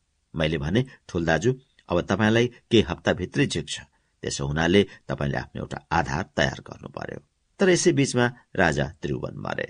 त्यसपछि राजा महेन्द्र राजा भए। एउटा ज्यादै अप्रिय बहस उठाए प्रजातन्त्रको बारेमा। मान्छे भन्छन् प्रजातन्त्र भयो अहिले बालक छ। तर बालक भएर यस्तो धूर्तता लुच्चापन बालकमा हुने निर्दोषिता नै छैन यस प्रजातन्त्रमा भनेर उनले आक्रमण गरेका छन्। मैले ठुल दाजुलाई उहाँ प्रधानमन्त्रीबाट हट्नुभन्दा अघि नै भने अब तपाईँमाथि पनि कारवाही गर्छन्। तपाईँ अब होसियार भएर बस्नुहोस्। उहाँले भन्नुभयो के तँलाई लाग्छ यो कुरो? म भोलि राजासँग समय लिन्छु र कुरा गर्छु। उहाँको दुईवटा विभागहरू खोसिएको छ। उहाँ जानुभयो राजालाई भेट्न। भन्नुभएछ उहाँले सरकार मेरो आवश्यकता छैन भने म राजीनामा गर्छु। अरूलाई गरे हुन्छ। बाहिर यस्तो हल्ला पनि छ। किन? मलाई पूरा विश्वास छ। मैले दुईवटा विभाग झिकेकोले भनेको त्यो त तिमीलाई काम हलुका होला भनेर पो गरेको हुँ। फेरि त्यो त बडो बदनामीको पनि विभाग थियो। त्यो मैले आफ्नो हातमा राखेको हुँ। अरू म केही गर्दिन। तिमी काम गर्दै जाऊ। त्यसपछि फेरि मेरो भेट भएको छ ठुल दाजुसँग। राजाले केही गर्दैनन् भन्नुभयो। त्यसको तीन चार दिनपछि क्याबिनेटको बैठक हुँदै थियो। राजदरबारबाट खबर आयो। उहाँ खोजिनु भएको। सिंहदरबारबाट आउँछ एउटा खाम। उहाँले खोल्नुभयो महावीर शमशेर लगायत सारा बसिरहेका छन्। पढेर भन्नुहुन्छ अब म प्रधानमन्त्री छैन। तपाईँहरू अब मन्त्री हुनुहुन्न। अब यो क्याबिनेट भएन। यति भनेर उहाँ घर गइहाल्नु भयो। त्यसपछि ठुलदाजु ढाक्रे हुनुभयो। राजाले प्रत्यक्ष शासन गरे। हाम्रो त विरोधी दलको भूमिका छँदै थियो। जब हामीले देख्यौं सरकारको उम्मेद छैन भनेर हामी भ्रमण गर्न थाल्यौं। मैले पार्टीको अध्यक्षको हैसियतले भ्रमण गरे। मैले दुई चारवटा सुदूर पश्चिमका उत्तरी पहाड़ी भेगलाई छाडेर बाँकी सब भ्रमण गरेको छु। एक दिन मलाई राजा महेन्द्रले भनेका थिए तपाईँ भन्दा पनि बेसी मैले भ्रमण गरेको छु। उनले भ्रमण गरेका रहेछन्। मैले भने सरकारको त साधन पनि हुन्थ्यो। म त यसै डुलेको छु। गणेश मान्जीले पनि भ्रमण गर्नुभयो। अरूहरूले पनि गरे। त्यस भ्रमणद्वारा पार्टीको एउटा जग बन्यो। जनतामा पार्टीको प्रतिष्ठा छँदै थियो। अधिवेशन हरेक साल हुने। जिल्ला अधिवेशन हुने। विराटनगर अधिवेशन वीरगंज अधिवेशन नेपालगंज अधिवेशन भए। यी सबै कामले गर्दा एउटा गतिविधि कायम रह्यो र जहिले पनि हाम्रो विरोधको लक्ष्य सरकारको खिलाफ रहन्थ्यो र किसानहरूका हकहरूका कुराहरूमा केन्द्रित रहन्थ्यो। त्यसमा विदेश नीतिहरूका प्रश्नहरू पनि हुन्थे र धेरै विषयहरू हुन्थे। यो सरकार उत्तरदायी भएन निर्वाचन चाँडै गर र भूमि सुधार गर भन्ने कुराहरूको। निर्वाचन चाँडै गर चाँडै गर भन्ने जोड थियो हाम्रो। एकचोटि मैले के सोचे भने म हटौं पार्टीको अध्यक्ष पदबाट धेरै भयो अध्यक्ष भएको। अब सुवर्णजीलाई बनाउनु पर्यो भन्ठाने मैले। त्यसमा गणेश मान्जीले भन्नुभयो तपाईँपछि मैले पो त बन्नुपर्छ। मलाई गणेश मान्जीमाथि उति भार थिएन। सुवर्णजीलाई बनाउनु पर्छ पार्टीको अध्यक्ष भनेर मैले वर्किङ कमिटिमा सुझाव गरेको थिएँ। म त हट्छु भनेको थिएँ। त्यसको लागि अधिवेशन हुनेवाला थियो वीरगंजमा सुवर्णजी त कहीँ भ्रमण गर्न जाने होइन। अध्यक्ष भएको हुनाले मैले सुवर्णजीको निम्ति प्रचार गर्न जानु पनि भएन। तर सबैलाई थाहा थियो म सुवर्णजीलाई समर्थन गरिरहेको थिएँ। गणेश मान्जीले ठूलो अभियान गर्नुभयो। सायद मेरो परिवार पनि विभाजित भयो। गिरिजाले गणेश मान्जीलाई मत दियो कि के गर्यो मलाई थाहा छैन तर अत्यधिक बहुमतका साथ सुवर्णजी जित्नुभयो। वीरगंजमा भएकै एउटा अधिवेशनमा हामीले समाजवादलाई पार्टीको सिद्धान्तको रूपमा स्वीकार गरेका थियौं र हाम्रो सम्पर्क सोसलिस्ट इन्टरनेशनलसँग रहन्छ भनेर पास गरेका थियौं। त्यस बखतमा हामीले ज्यादा जोड़ दिएको केमा थियौं भने राजा त्रिभुवनको प्रतिज्ञा बमोजिम संविधान सभाको निम्ति चुनाव गराउनु पर्यो र भूमि सुधार गर्नु पर्यो। किसानहरूको निम्ति हामी भूमि सुधारका नाराहरू दिन्थ्यौं र राजनैतिक नारा हामी के दिन्थ्यौं भने राजा त्रिभुवनको वचन पूरा गर। हामीहरू भन्थ्यौं हामीहरू भएको भए हामी दुई महिनाभित्र चुनाव गराउँथ्यौं। म गृहमन्त्री भएको बेलामा त्यही घोषणा गरेको थियो दुई वर्षमा चुनाव गराउने भनेर। चुनाव अहिलेसम्म भएन राजाले यसो गरे उसो गर्यो भनेर हामी भन्थ्यौं। यही दुईटा घोषणामा हामीले संगठन निर्माण गर्यौं। हामीहरू जहाँ पनि जान्थ्यौं ठूला सार्वजनिक सभाहरू गर्थ्यौं। हाम्रा कार्यकर्ताहरू अहिलेका कार्यकर्ताहरू भन्दा जनतामा ज्यादा भिजेका हुन्थे। बजारहरूमा मात्र सीमित नरहेर गाउँहरूमा हाम्रो बढ्ता प्रभाव थियो। काठमाडौँ हाम्रो नियन्त्रणमा थिएन। त्यो त अहिले जस्तो छ पहिले पनि त्यस्तै थियो। यस अवधिमा दुई तीनवटा कुराहरूमा बहस भएका थिए। यसभन्दा अघि मातृका बाबुसँग जो विषयहरू उठेका थिए ती त छँदै थिए। हामीहरूको राजासँग मतभेदहरू यस मानेमा थिए खास गरेर त्रिभुवनपछि राजा महेन्द्रसँग कि उनी प्रजातन्त्रका पूरा विरोधी मान्छे थिए। हाम्रो जोड थियो चुनाव होस् प्रत्यक्ष शासन नहोस्। त्यस किसिमसँग तिनीसँग हाम्रो विवाद चलेको थियो। मसँग बीचबीचमा भेट्थे उनी। उनले एउटा राजनैतिक सम्मेलन बोलाएका थिए कुन पार्टी सानो कुन पार्टी ठूलो भन्ने भेद नगरेर। करिब एक सय बीस एक सय पच्चीस जति संघ संस्थाहरूका मानिसहरूको भेला गराएका थिए। त्यसमा सबभन्दा आश्चर्यको कुरा एउटा मृत्यु संस्कार संस्था लाभारिसहरूलाई पोल्ने त्यो पनि सामेल भएको थियो। हामीहरूले त्यस सम्मेलनको बहिष्कार गर्यौं। हाम्रो हमेसा दबाव रह्यो कि चुनाव चाँडै हुनुपर्छ। अनि टंक प्रसाद जब प्रधानमन्त्री भए कमल पोखरीमा बसेका थिए कुनै राणाजीको घरमा। उनले मलाई रातिमा बोलाए खानलाई र भने विश्वेश्वर बाबु मलाई मदत गर्नु पर्यो। राजाले भनेका छन् कि सकेसम्म बढ़ी सहयोग लिइकन सरकार बनाऊ तपाईँलाई दुईटा सिट दिन्छौ। तपाईँ आउनु पर्यो तपाईँले कसैलाई पठाउनु पर्यो। मैले भने हामीहरू आउँदैनौ अब तपाईँ आफ्नो सरकार बनाउनुहोस्। तपाईँसँग हामी सहयोग गर्न सक्दैनौ। हामी तपाईँसँग चुनाव छिटो गराउनुहोस् भन्ने मात्र माग गर्दछौ र त्यो सकेसम्म छिटो गराउनुहोस्। त्यो कुरा त्यत्तिकै भयो। अर्को कुरा के भयो भने तिनको पालामा चीनसँग दौत्य सम्बन्ध स्थापित भयो। त्यसमा त हामीले भन्ने कुरा केही थिएन। एकचोटि टंक प्रसादले मका आएर के भने भने होइन चिन्नेहरू यहाँ दबाव दिँदैछन् तिब्बतको बारेमा। हाम्रो अति क्षेत्रात्मक अधिकारहरू थिए तिब्बतमाथि। दलाई लामाले नेपाललाई वार्षिक दस हजार रुपियाँ बुझाउँथे। नेपालीहरूमाथि तिब्बती अदालतमा मुद्दा चल्न सक्दैनथ्यो त्यसको लागि नेपाली अदालत नै हुन्थ्यो।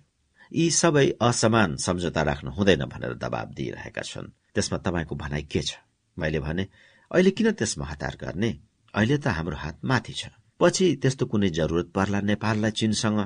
त्यस बेलामा एउटा कुरा छोड्छौ त्यसको साटोमा अर्को कुरा मिलाउन सकिन्छ। मैले त्यसो भन्दा उनले भने हिन्दुस्तानले पनि मलाई दबाब दिइरहेको छ। मैले भने अहिले के हतार छ र? उनले भने हतार त छैन तर तपाईँले सोचेर राय दिनु पर्यो म कहीँ जाँदै थिएँ। त्यही सिलसिलामा दिल्ली गए। दिल्लीमा जवाहरलालजीलाई भेटे। मलाई टङ्कप्रसादजीले भन्थे उनीलाई तपाईँको दबाव परिरहेको छ तिब्बतको बारेमा। हामीलाई किन तपाईँको यत्रो आग्रह? एक त म समाजवादी विचारको मान्छे भएकोले तिब्बतको स्वतन्त्रतामा हामीहरूको समर्थन थियो र चीनले गरेको हामीलाई लाग्थ्यो आक्रमण हो। हाम्रो समाजवादी पृष्ठभूमि भएकोले त्यो मलाई लाग्थ्यो। लोहिया त त्यसलाई बाल हत्या भन्थे। तिब्बतलाई चीनले खाएको बाल हत्या भन्थे। तिब्बतको सम्बन्धमा कुरा गर्दा मैले जवाहरलालजीलाई भने तपाईँले चाँदीको किस्तीमा हालेर तिब्बत चीनलाई दिनुभयो। उनले भने तो क्या दलाई लामा को उनके गद्दी में बिठाने के लिए हम सेना भेजें। मैंने भने, सेना भेजने की ज़रूरत नहीं है, लेकिन आपने उसके कब्जे को अंतर्राष्ट्रीय वैधता प्रदान की है, एक मान्यता प्रदान की है, और ये हम लोगों को भी आप कह रहे हैं कि उसे एक तरफी छोड़ दो। जवाहरलाल जी ने अनि भने, देखिए बीपी इतने बड़े देश के साथ सद्भावना प्रदर्शन करने से आपका संबंध अच्छा होगा। उनके ऊपर दबाव डालकर आप कुछ नहीं कर सकते। मलाई उनले राम्ररी सम्झाएका थिए। मलाई तिनको दृष्टिकोण मुनासिब जस्तो पनि लाग्यो। तैपनि मैले टङ्कप्रसादलाई भने तपाईँ आफ्नो निर्णय गर्नुहोस्। त्यसपछि टङ्कप्रसादले एउटा अर्को काम गरे। के भनेर घोषणा गरे भने चुनाव संविधान सभाको लागि होइन संसदको लागि हुन्छ। उनको तर्क थियो त्यो गर्यो भने चाँडै संसद गठन हुन्छ। हामीहरूको तर्फबाट त्यस कुराको निकै विरोध भयो। म अदालतमा गएँ र जे जे गर्न सम्भव हुन्थ्यो सबै थोक गरे। टङ्कप्रसाद सरकारबाट हटे। मलाई लाग्छ टङ्क प्रसादलाई राजाले राख्ने प्रयोजन सायद यही काम गराउनु थियो।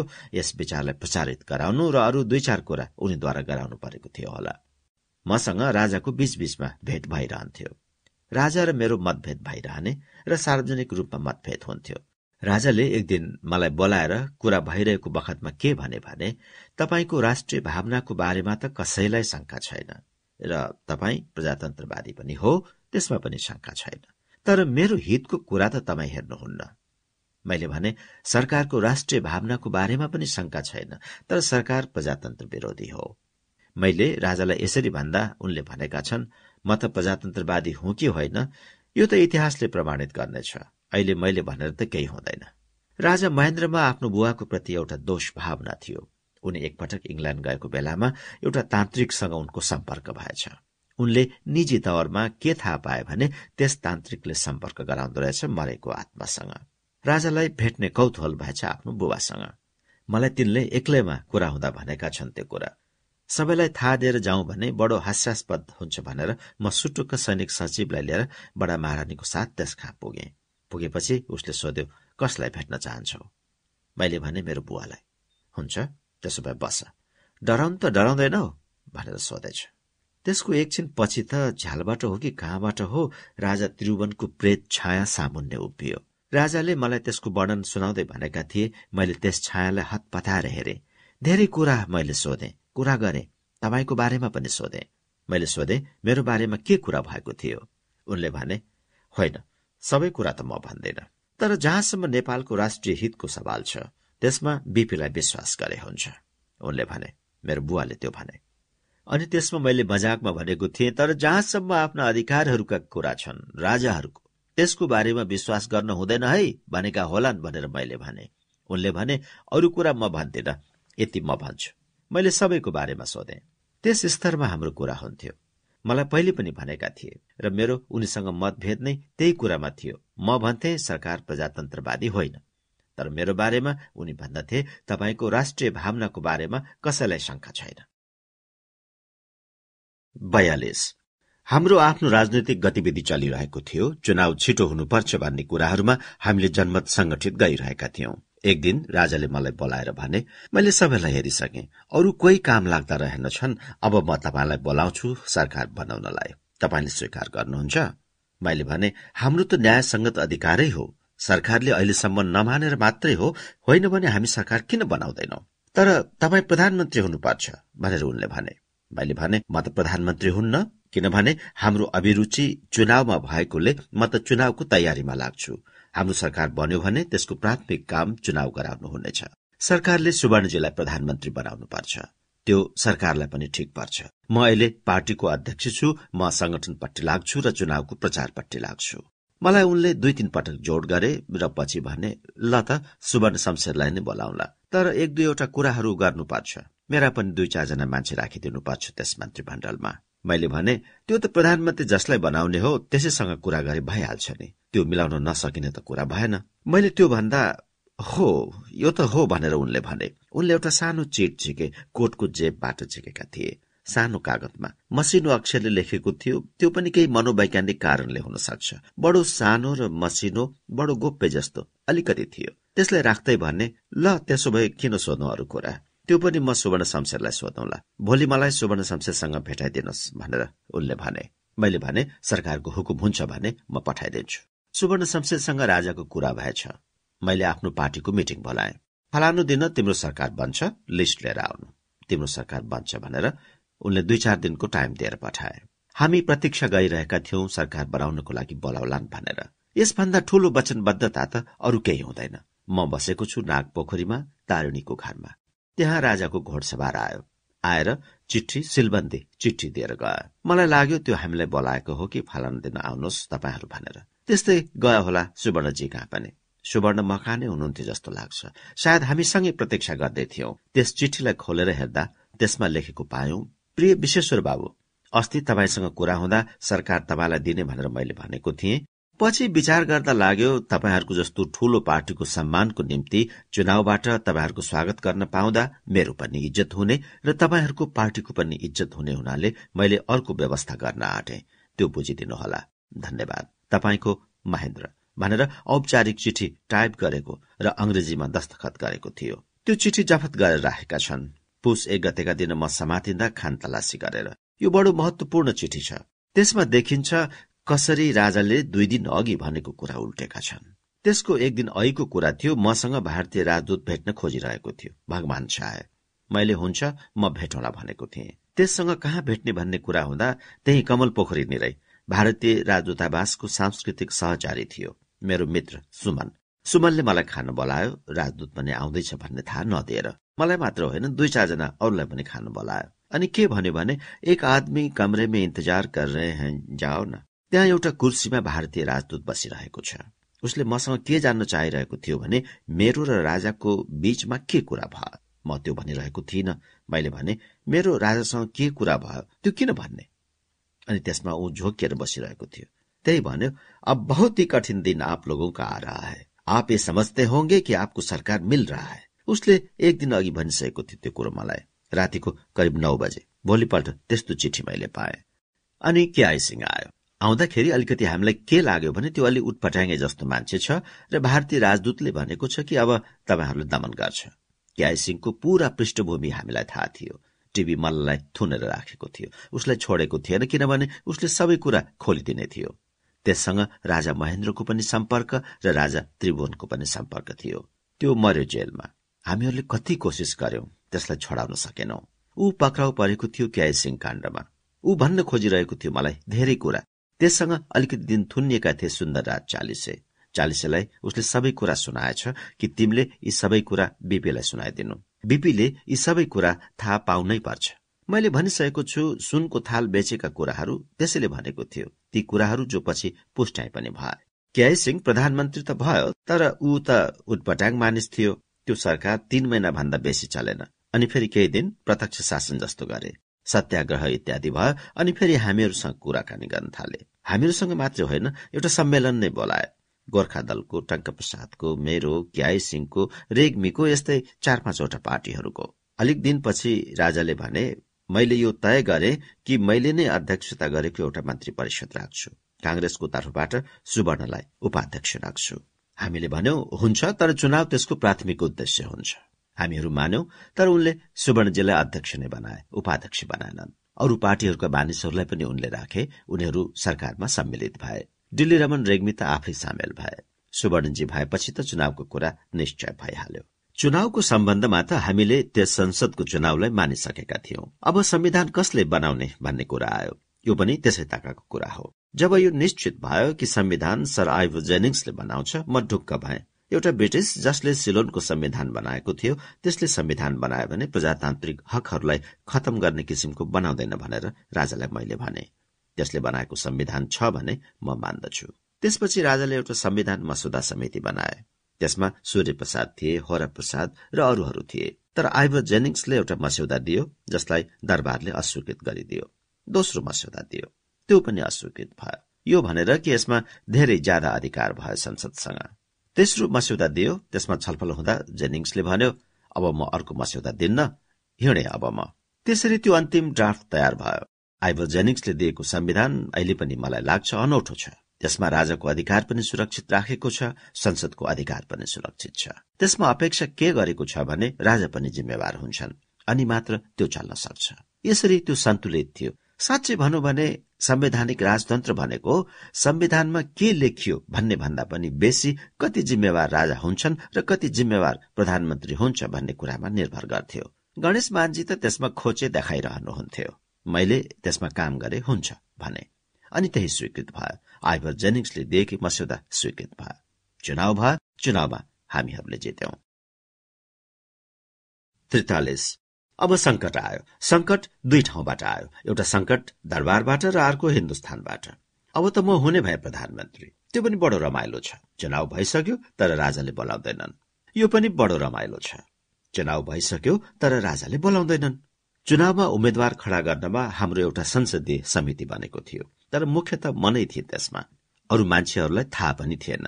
सुवर्णजीलाई सम्म थाहा थिएन को मान्छे के हुने हो भनेर। त्यसभन्दा पनि जिताउने प्रचारक त म नै थिएँ। त्यसबेला दुई तीनवटा निर्वाचन क्षेत्रहरूका घत लाग्दा कुराहरू छन्। राष्ट्रियताको भावनाको मलाई बडो घत लागेको छ। एउटा अनुभव सरोज कोइरालाको निर्वाचन क्षेत्रको थियो। चुनावको टिकट कसलाई दिने भन्ने कुरा थियो। सरोजकै घरमा पार्टीका कार्यकर्ताहरूको मिटिङ मैले बोलाएँ। त्यस मिटिङमा करिब पचास साठी जना मानिसहरू थिए त्यस निर्वाचन क्षेत्र भरिका अनि मैले भने कसलाई टिकट दिने? त्यसमा रामनारायण मिश्र पनि छन्। सामन्तहरूले एउटा बडो प्रभावशाली राजपूतलाई उठाएका छन्। त्यसलाई गिरीका परिवारहरू तुलसी गिरी होइन र रामनारायणका परिवारहरू रामनारायण होइन त्यसलाई समर्थन गर्दै थिए। सबै सामन्तहरूको उसलाई समर्थन छ र ऊ बडो शक्तिशाली छ। निर्वाचन क्षेत्रमा जनसंख्याको दृष्टिबाट यादवहरूको संख्या बेसी छ। त्यो मलाई लाग्थ्यो र त्यसबेला त्यो मलाई थाहा पनि थियो। रामनारायण मिश्रले के भन्यो भने धेरै बलियो विरोधीसँग मुकाबला गर्नु परेकोले हामीले यहाँ तराईका मान्छेलाई उठाउनु पर्छ त्यो भन्ने बित्तिकै ग्वालाको, यादवको प्रश्न उठ्यो। यही सब बहस चलिरहेको थियो, एकजना निर्गुण यादव थियो, हाम्रो बडो सक्रिय साथी। उसले भन्यो, सरोज बाबुको टिकट मिल्न चाहिए। सरोजले टिकट नपाएको भए निर्गुणले नै पाउने थियो। उसले भन्यो, सरोज बाबू को टिकट मिलना चाहिए क्योंकि हम लोग जितने कार्यकर्ता हैं, उन्हीं के बनाए हैं हम लोग। अगर जाति के आधार में टिकट मिलना है तो नेपाली कांग्रेस क्यों बनाया आपने? त्यस्तो तर्क दियो त्यसले। अर्को एउटा समस्या थियो भद्रकाली मिश्रको निर्वाचन क्षेत्रमा। मलाई भद्रकाली मिश्रलाई हराउनु थियो। एउटा सानो मान्छे उठाएर हराउनु थियो। त्यस हुनाले मैले त्यहाँ एउटा मिटिङ गरेँ। त्यो मिटिङ मैले गरेँ जलेश्वरमा। मैले त्यहाँ नचिनेको कालो पत्यार नलाग्दो एउटा मानिस हाम्रो त्यस कार्यकर्ताहरूको मिटिङमा आएर बसिरहेको थियो। त्यहाँ एउटा राजपूत थियो जो पछि क्यान्सर भएर मर्यो बडो नामी र योग्य हाम्रो मान्छे थियो। ऊ हाम्रो जिल्ला अध्यक्ष थियो। मैले भने कुनै कम उच्च वर्गको मानिसलाई टिकट दिनुपर्छ। भद्रकालीको खिलाफ त्यो सिंह तयार भइरहेको थिएन। कोही तयार भइरहेको थिएन। भद्रकालीको क्षेत्रमा अरूले जित्न त अलिक गाह्रै थियो। मैले भने, त्यही अपरिचित खालको मान्छेलाई टिकट दिनुपर्छ मैंने सुने तुम लड़ सकोगे? क्यों नहीं हम लड़ेंगे। आप आइएगा लेकिन आपको एक दफे आना पड़ेगा भनेर उसले मलाई भन्यो। मैले भने हाँ मैं आउँगा तुम्हारे यहाँ। तो ठीक है, हमको टिकट दीजिए भन्यो। र त्यसलाई टिकट दिने तय भयो ती दुई तीनवटा कुराहरू निर्वाचनमा उम्मेद्वारहरू खड़ा गर्दाखेरि घत लाग्दो मलाई लागेको छ। ती तीनैवटा निर्वाचन क्षेत्रहरूमा हाम्रा मान्छेहरू जिते र ती सबैको जमानत पनि जफत भयो। भद्रकाली मिश्रको पनि जमानत जफत भयो। चौवालिस। अब मेरो निर्वाचन क्षेत्रको कुरा गरौं। मेरो समस्या के थियो भने म धेरै निर्वाचन क्षेत्र हेर्न सक्दिनथे मैले वचन दिएको थिएँ कति गाउँमा मेरै बुताबाट जित्नु थियो। त्यसो हुनाले मैले धेरै निर्वाचन क्षेत्रमा पुग्नु परेको थियो। म आफ्नो क्षेत्रमा धेरै बस्न सकेको थिइनँ। बसे पनि दुई चार दिन बस्थे। मैले जीपमा एकपल्ट पूरा क्षेत्र घुमे र हरेक गाउँमा गए। जीप रोक्यो मानिसहरूसँग एकैछिन रुकेर कुरा गरेर हिँडिहाल्यो। मेरो विरूद्धको मोर्चा मधेसी भावना कम्युनिष्टहरू र ठूल दाजुको थियो। मैले त्यस बखतमा देखे कम्युनिष्टहरूको प्रचार अभियान कस्तो हुँदो रहेछ। बनारसबाट सारा कम्युनिष्टहरू आएका थिए। हामी त जिन्दाबाद जिन्दाबाद भन्ने। उनीहरू एउटा ट्रक भरेर हिँड्ने डाउन डाउन भनेर कराएर। एउटा हातको मुठी उचालेर आँखा र मुखको भावाकृति क्रुद्ध बनाएर हत्यारा हत्यारा बिपी कोइराला भनेर नारा लगाउँदै हिँड्थे। ठुल दाजुको छोरा कमलहरू सारा ट्रकमा थिए। शैलेन्द्रहरू पनि त्यसै गरी हिँडेका थिए। उनीहरूको पूरा प्रयत्न मलाई हराउने थियो। मधेसे भावनालाई पनि उचालेका थिए उनीहरूले। राजाको मद्दत थियो साने बाबु दिलबहादुर श्रेष्ठलाई। त्यो पहाडे भोट काट्ने एउटा चलाकी थियो। ऊ आफ्नो इलाकाको राजा जस्तो थियो। आफ्नो क्षेत्रका मानिसहरूलाई उसले तर्साएर राखेको थियो। त्यसको इलाकामा मिटिङ गर्न पाइएन। म गएँ मिटिङ गर्छु भनेर। उसले पनि म मिटिङ गर्न दिन्न भनेको थियो। मैले जे होला ठोकेर पनि त्यहाँ मिटिङ गर्ने भनेर गयौं। सायद त्यस इलाकामा हाम्रो त्यो पहिलो र सायद अन्तिम मिटिङ पनि त्यही भयो। त्यहाँ मिटिङ सफलतासँग भइसकेपछि साने बाबुले मलाई त्यहाँ खान बोलायो। ए मलाई त थाहै भएन तपाईँ आउनु भएको भनेर। म आफ्नै घरमा राख्ने थिएँ नि तपाईँलाई भनेर भन्न आएका थिए। हाम्रा साथीहरू सबै डराउँथे उसँग। साने बाबुलाई राजाले मदत पुर्याएका थिए। राजाले त्यस बखत मलाई हराउनको लागि र हाम्रा पार्टीका चुनेका मान्छेहरूलाई हराउनको निम्ति भयानक कोसिस गरेका छन्। रंगनाथको पार्टीलाई आर्थिक मदत गरेका थिए राजाले। मलाई उनकी दुलै दुती सुशीलकी दिदीले मलाई भन्न आएकी थिइन्। एकपल्ट के भो? सम्झाइदिनु पर्यो। मैले भने मैले कसरी सम्झाउने? म कहाँ उनी आउँदैनन्। म खान बोलाउँछु तपाईँ खाना आइदिनुहोस् भनेर उनले भनेन्। खाने बाहनाबाट मैले उनलाई भेटे। मैले भने यो के गर्न आँट्नु भएको? उनले एउटा पार्टी खोलेका थिए मैले भने तपाईँले कहाँबाट पैसा पाउनुहुन्छ दुतीले भनिसकेकी थिइन् उनले कहाँबाट पैसा पाउँछन् भनेर। मैले भने तपाईँलाई यो के भइरहेको छ? एक दुईवटा निर्वाचन क्षेत्रमा तपाईँ लड्नुहोस्। ठिक छ तर यो पूरा देशभरि के गर्न लाग्नु भएको हो? सम्पूर्ण देशभरि हामीहरू पछि सबभन्दा बेसी उनैले उम्मेद्वार खडा गरेका थिए। त्यो राजाले गर्न लगाएका थिए। मलाई हराउन राजाले पनि भयानक कोसिस गरेका थिए। के दाउ बनाएको थियो भने पहाड़िया मतहरू दिलबहादुर श्रेष्ठले काट्ने र मधेसी मतहरू अवध नारायणले काट्ने। वामपन्थीहरू पनि त्यही प्रयासमा संलग्न भए। मलाई यस प्रकारले एक्लो पार्ने प्रयत्न भएको थियो। मैले जतिले जित्नुपर्ने जिते। त्यही कारणले। किनभने मेरा मतहरू त्यस प्रकारले काटिएका थिए। मेरो निर्वाचनको अन्तर पाँच छ हजार जति मतको थियो। त्यो पनि त्यस परिस्थितिमा कम्ती थिएन। तर जतिको अन्तरले म जितौँला भन्ने लागेको थियो त्यो भएन। हाम्रा मतदाताहरू नै कम थिए। सबैलाई के लागेको थियो भने हामी सबभन्दा ठूलो पार्टी त रहौंला तर बहुमत आउँदैन। राजाले चुनाव त्यसै अनुमानको आधारमा गराएका थिए। तीसवटा आयो भने त उनले सञ्चालन गरिहाल्थे। तर हाम्रो त पूर्ण बहुमत भन्दा पनि बेसी आयो। त्यसपछि राजा छक्क परे। चुनाव समाप्त भइसक्दा पनि उनी मलाई बोलाउँदैनन्। दिल्लीमा अमेरिकन राजदूत थियो बङ्कर। ऊ मेरो घरमा आयो। त्यस्तो फोहोरी घरमा। र सोध्यो के भइरहेको छ? राजाले तिमीलाई किन बोलाउँदैनन्? मलाई लाग्यो मैले अब राजालाई पनि भेट्नु पर्यो र जवाहरलालजीलाई पनि सम्पर्क गर्नु पर्यो। किनभने यी दुवैजनाको सहयोग भएन भने यो प्रयोग असफल हुन्छ भन्ने मेरो धारणा थियो। जवाहरलालजी आउन लागेका थिए कोशी बाँधको उद्घाटन समारोहको लागि। मैले जवाहरलालजीलाई सम्बोधन गरेर लेखेको चिठी देवेन्द्रलाई दिएर पठाएँ। देवेन्द्र त्यसबखत सायद संसदको सदस्य थियो। भेट्यो उसले, उनले चिठी पढे शायद एयरपोर्टको विश्राम कक्षमा। उनले भने हम को किसी के लिए बोलना नहीं है। हमें खुशी है कि कांग्रेस जिसको भी बनाए, उनकी संसदीय दल जिसको नेता बनाएगी, हम उसको मानेंगे। हम उसको सहयोग देंगे।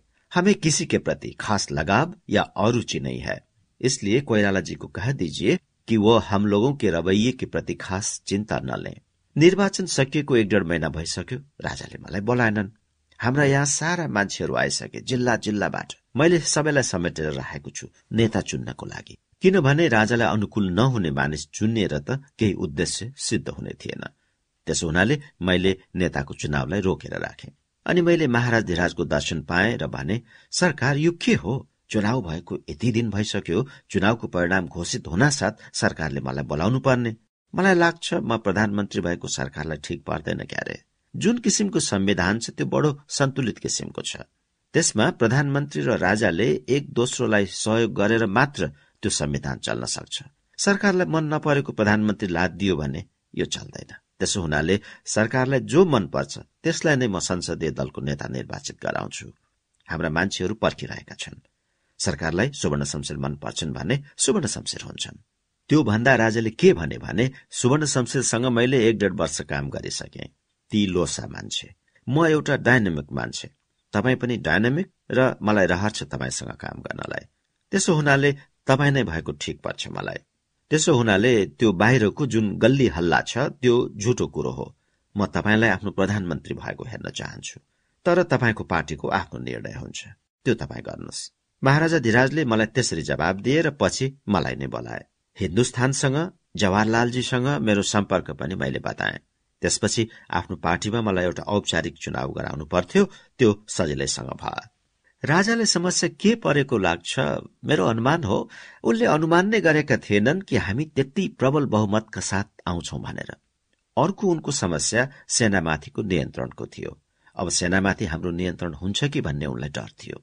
त्यसो हुनाले यसै बीचमा उनले सेना ऐन बनाए। संसदको निर्वाचन भइसकेपछि उनले सेना ऐन बनाएका छन्। त्यो अत्यन्त अस्वाभाविक हो। अनि त्यसलाई संसदको नियन्त्रण भन्दा बाहिर जस्तो राखिदिएको छ। त्यसको सञ्चालन इत्यादिको कुरामा। यिनै सब कुराले गर्दा राजाले मलाई बोलाउन ढिलो गरेका हुन् भन्ने मलाई लाग्छ। उनले मलाई बोलाए ठूलो समारोह भयो। पैतालिस। महासभामा राजाले मनोनित गर्ने सदस्यहरूको सम्बन्धमा कुरा गर्न म राजा कहाँ गए? राजाको भनाइ के थियो भने कस्ता व्यक्ति मनोनित गर्नुपर्छ भन्ने कुरा उनको तजबीजको कुरो हो। मैले भने सरकार सरकारको तजबीज र लहरमा जे आयो त्यो गर्ने होइन। साँच्चै भनौँ भने संविधानको यथार्थ भावना अनुरूप भनौँ भने त्यो तजविज र प्रधानमन्त्रीको सल्लाह बमोजिम प्रयोग हुनुपर्छ। म त्यही परामर्श र सहयोग टक्राउन सरकार कहाँ आएको छु। त्यसमा मलाई यो मन पर्यो म यसलाई राख्छु भन्न सरकारले पाइँदैन। केही सिद्धान्त निर्धारित गरिबक्स्योस् शिक्षाको क्षेत्रमा कसैको योगदान छ जसले राजनैतिक जीवनमा पनि योगदान गर्न सक्छ? अथवा जो राजनीतिको हल्ला हुल्लडमा आउन सक्दैन तर त्यसको ठूलो योगदान हुन सक्दछ? या कुनै महिलाको बारेमा या कुनै कुनै पिछडिएका वर्गहरूको बारेमा जो कि निर्वाचित भएर आउन सक्दैनन् तिनलाई अघि बढाउनु छ र प्रोत्साहित गर्नु छ। या पहिलेका प्रधानमन्त्रीहरू जो चुनावमा हारे उनको अनुभवको उपयोग गर्नु छ भने त्यस्ता सिद्धान्तहरूको आधारमा सरकारले मनोनित गर्नुपर्छ महासभामा। तजबिजमा व्यक्तिगत निर्णय हुनु हुँदैन। यो प्रधानमन्त्रीको परामर्शमा आधारित हुनुपर्छ। यो मेरो धारणा थियो। ल मानु तजबिज भनेको सरकारको निजी कुरो हो भने पनि त्यसको प्रयोग कुनै निर्धारित सिद्धान्तमा आधारित हुनुपर्छ भनेर मैले भने। राजाको चित्त त्यसमा बुझ्यो। उनले भने ल त्यसमा त्यही गर्नुपर्छ। मलाई त्यही सिद्धान्तको आधारमा नाम दिन भने राजाले। मैले व्यापारिक समुदायबाट पनि मनोनित गर्नु पर्यो भन्दाखेरि मैले केही नामहरू सिफारिस गरे। भूतपूर्व प्रधानमन्त्री नै मनोनित गर्नु छ भने मातृका प्रसाद कोइराला टंक प्रसाद आचार्यको नाउँ मैले सिफारिस गरे।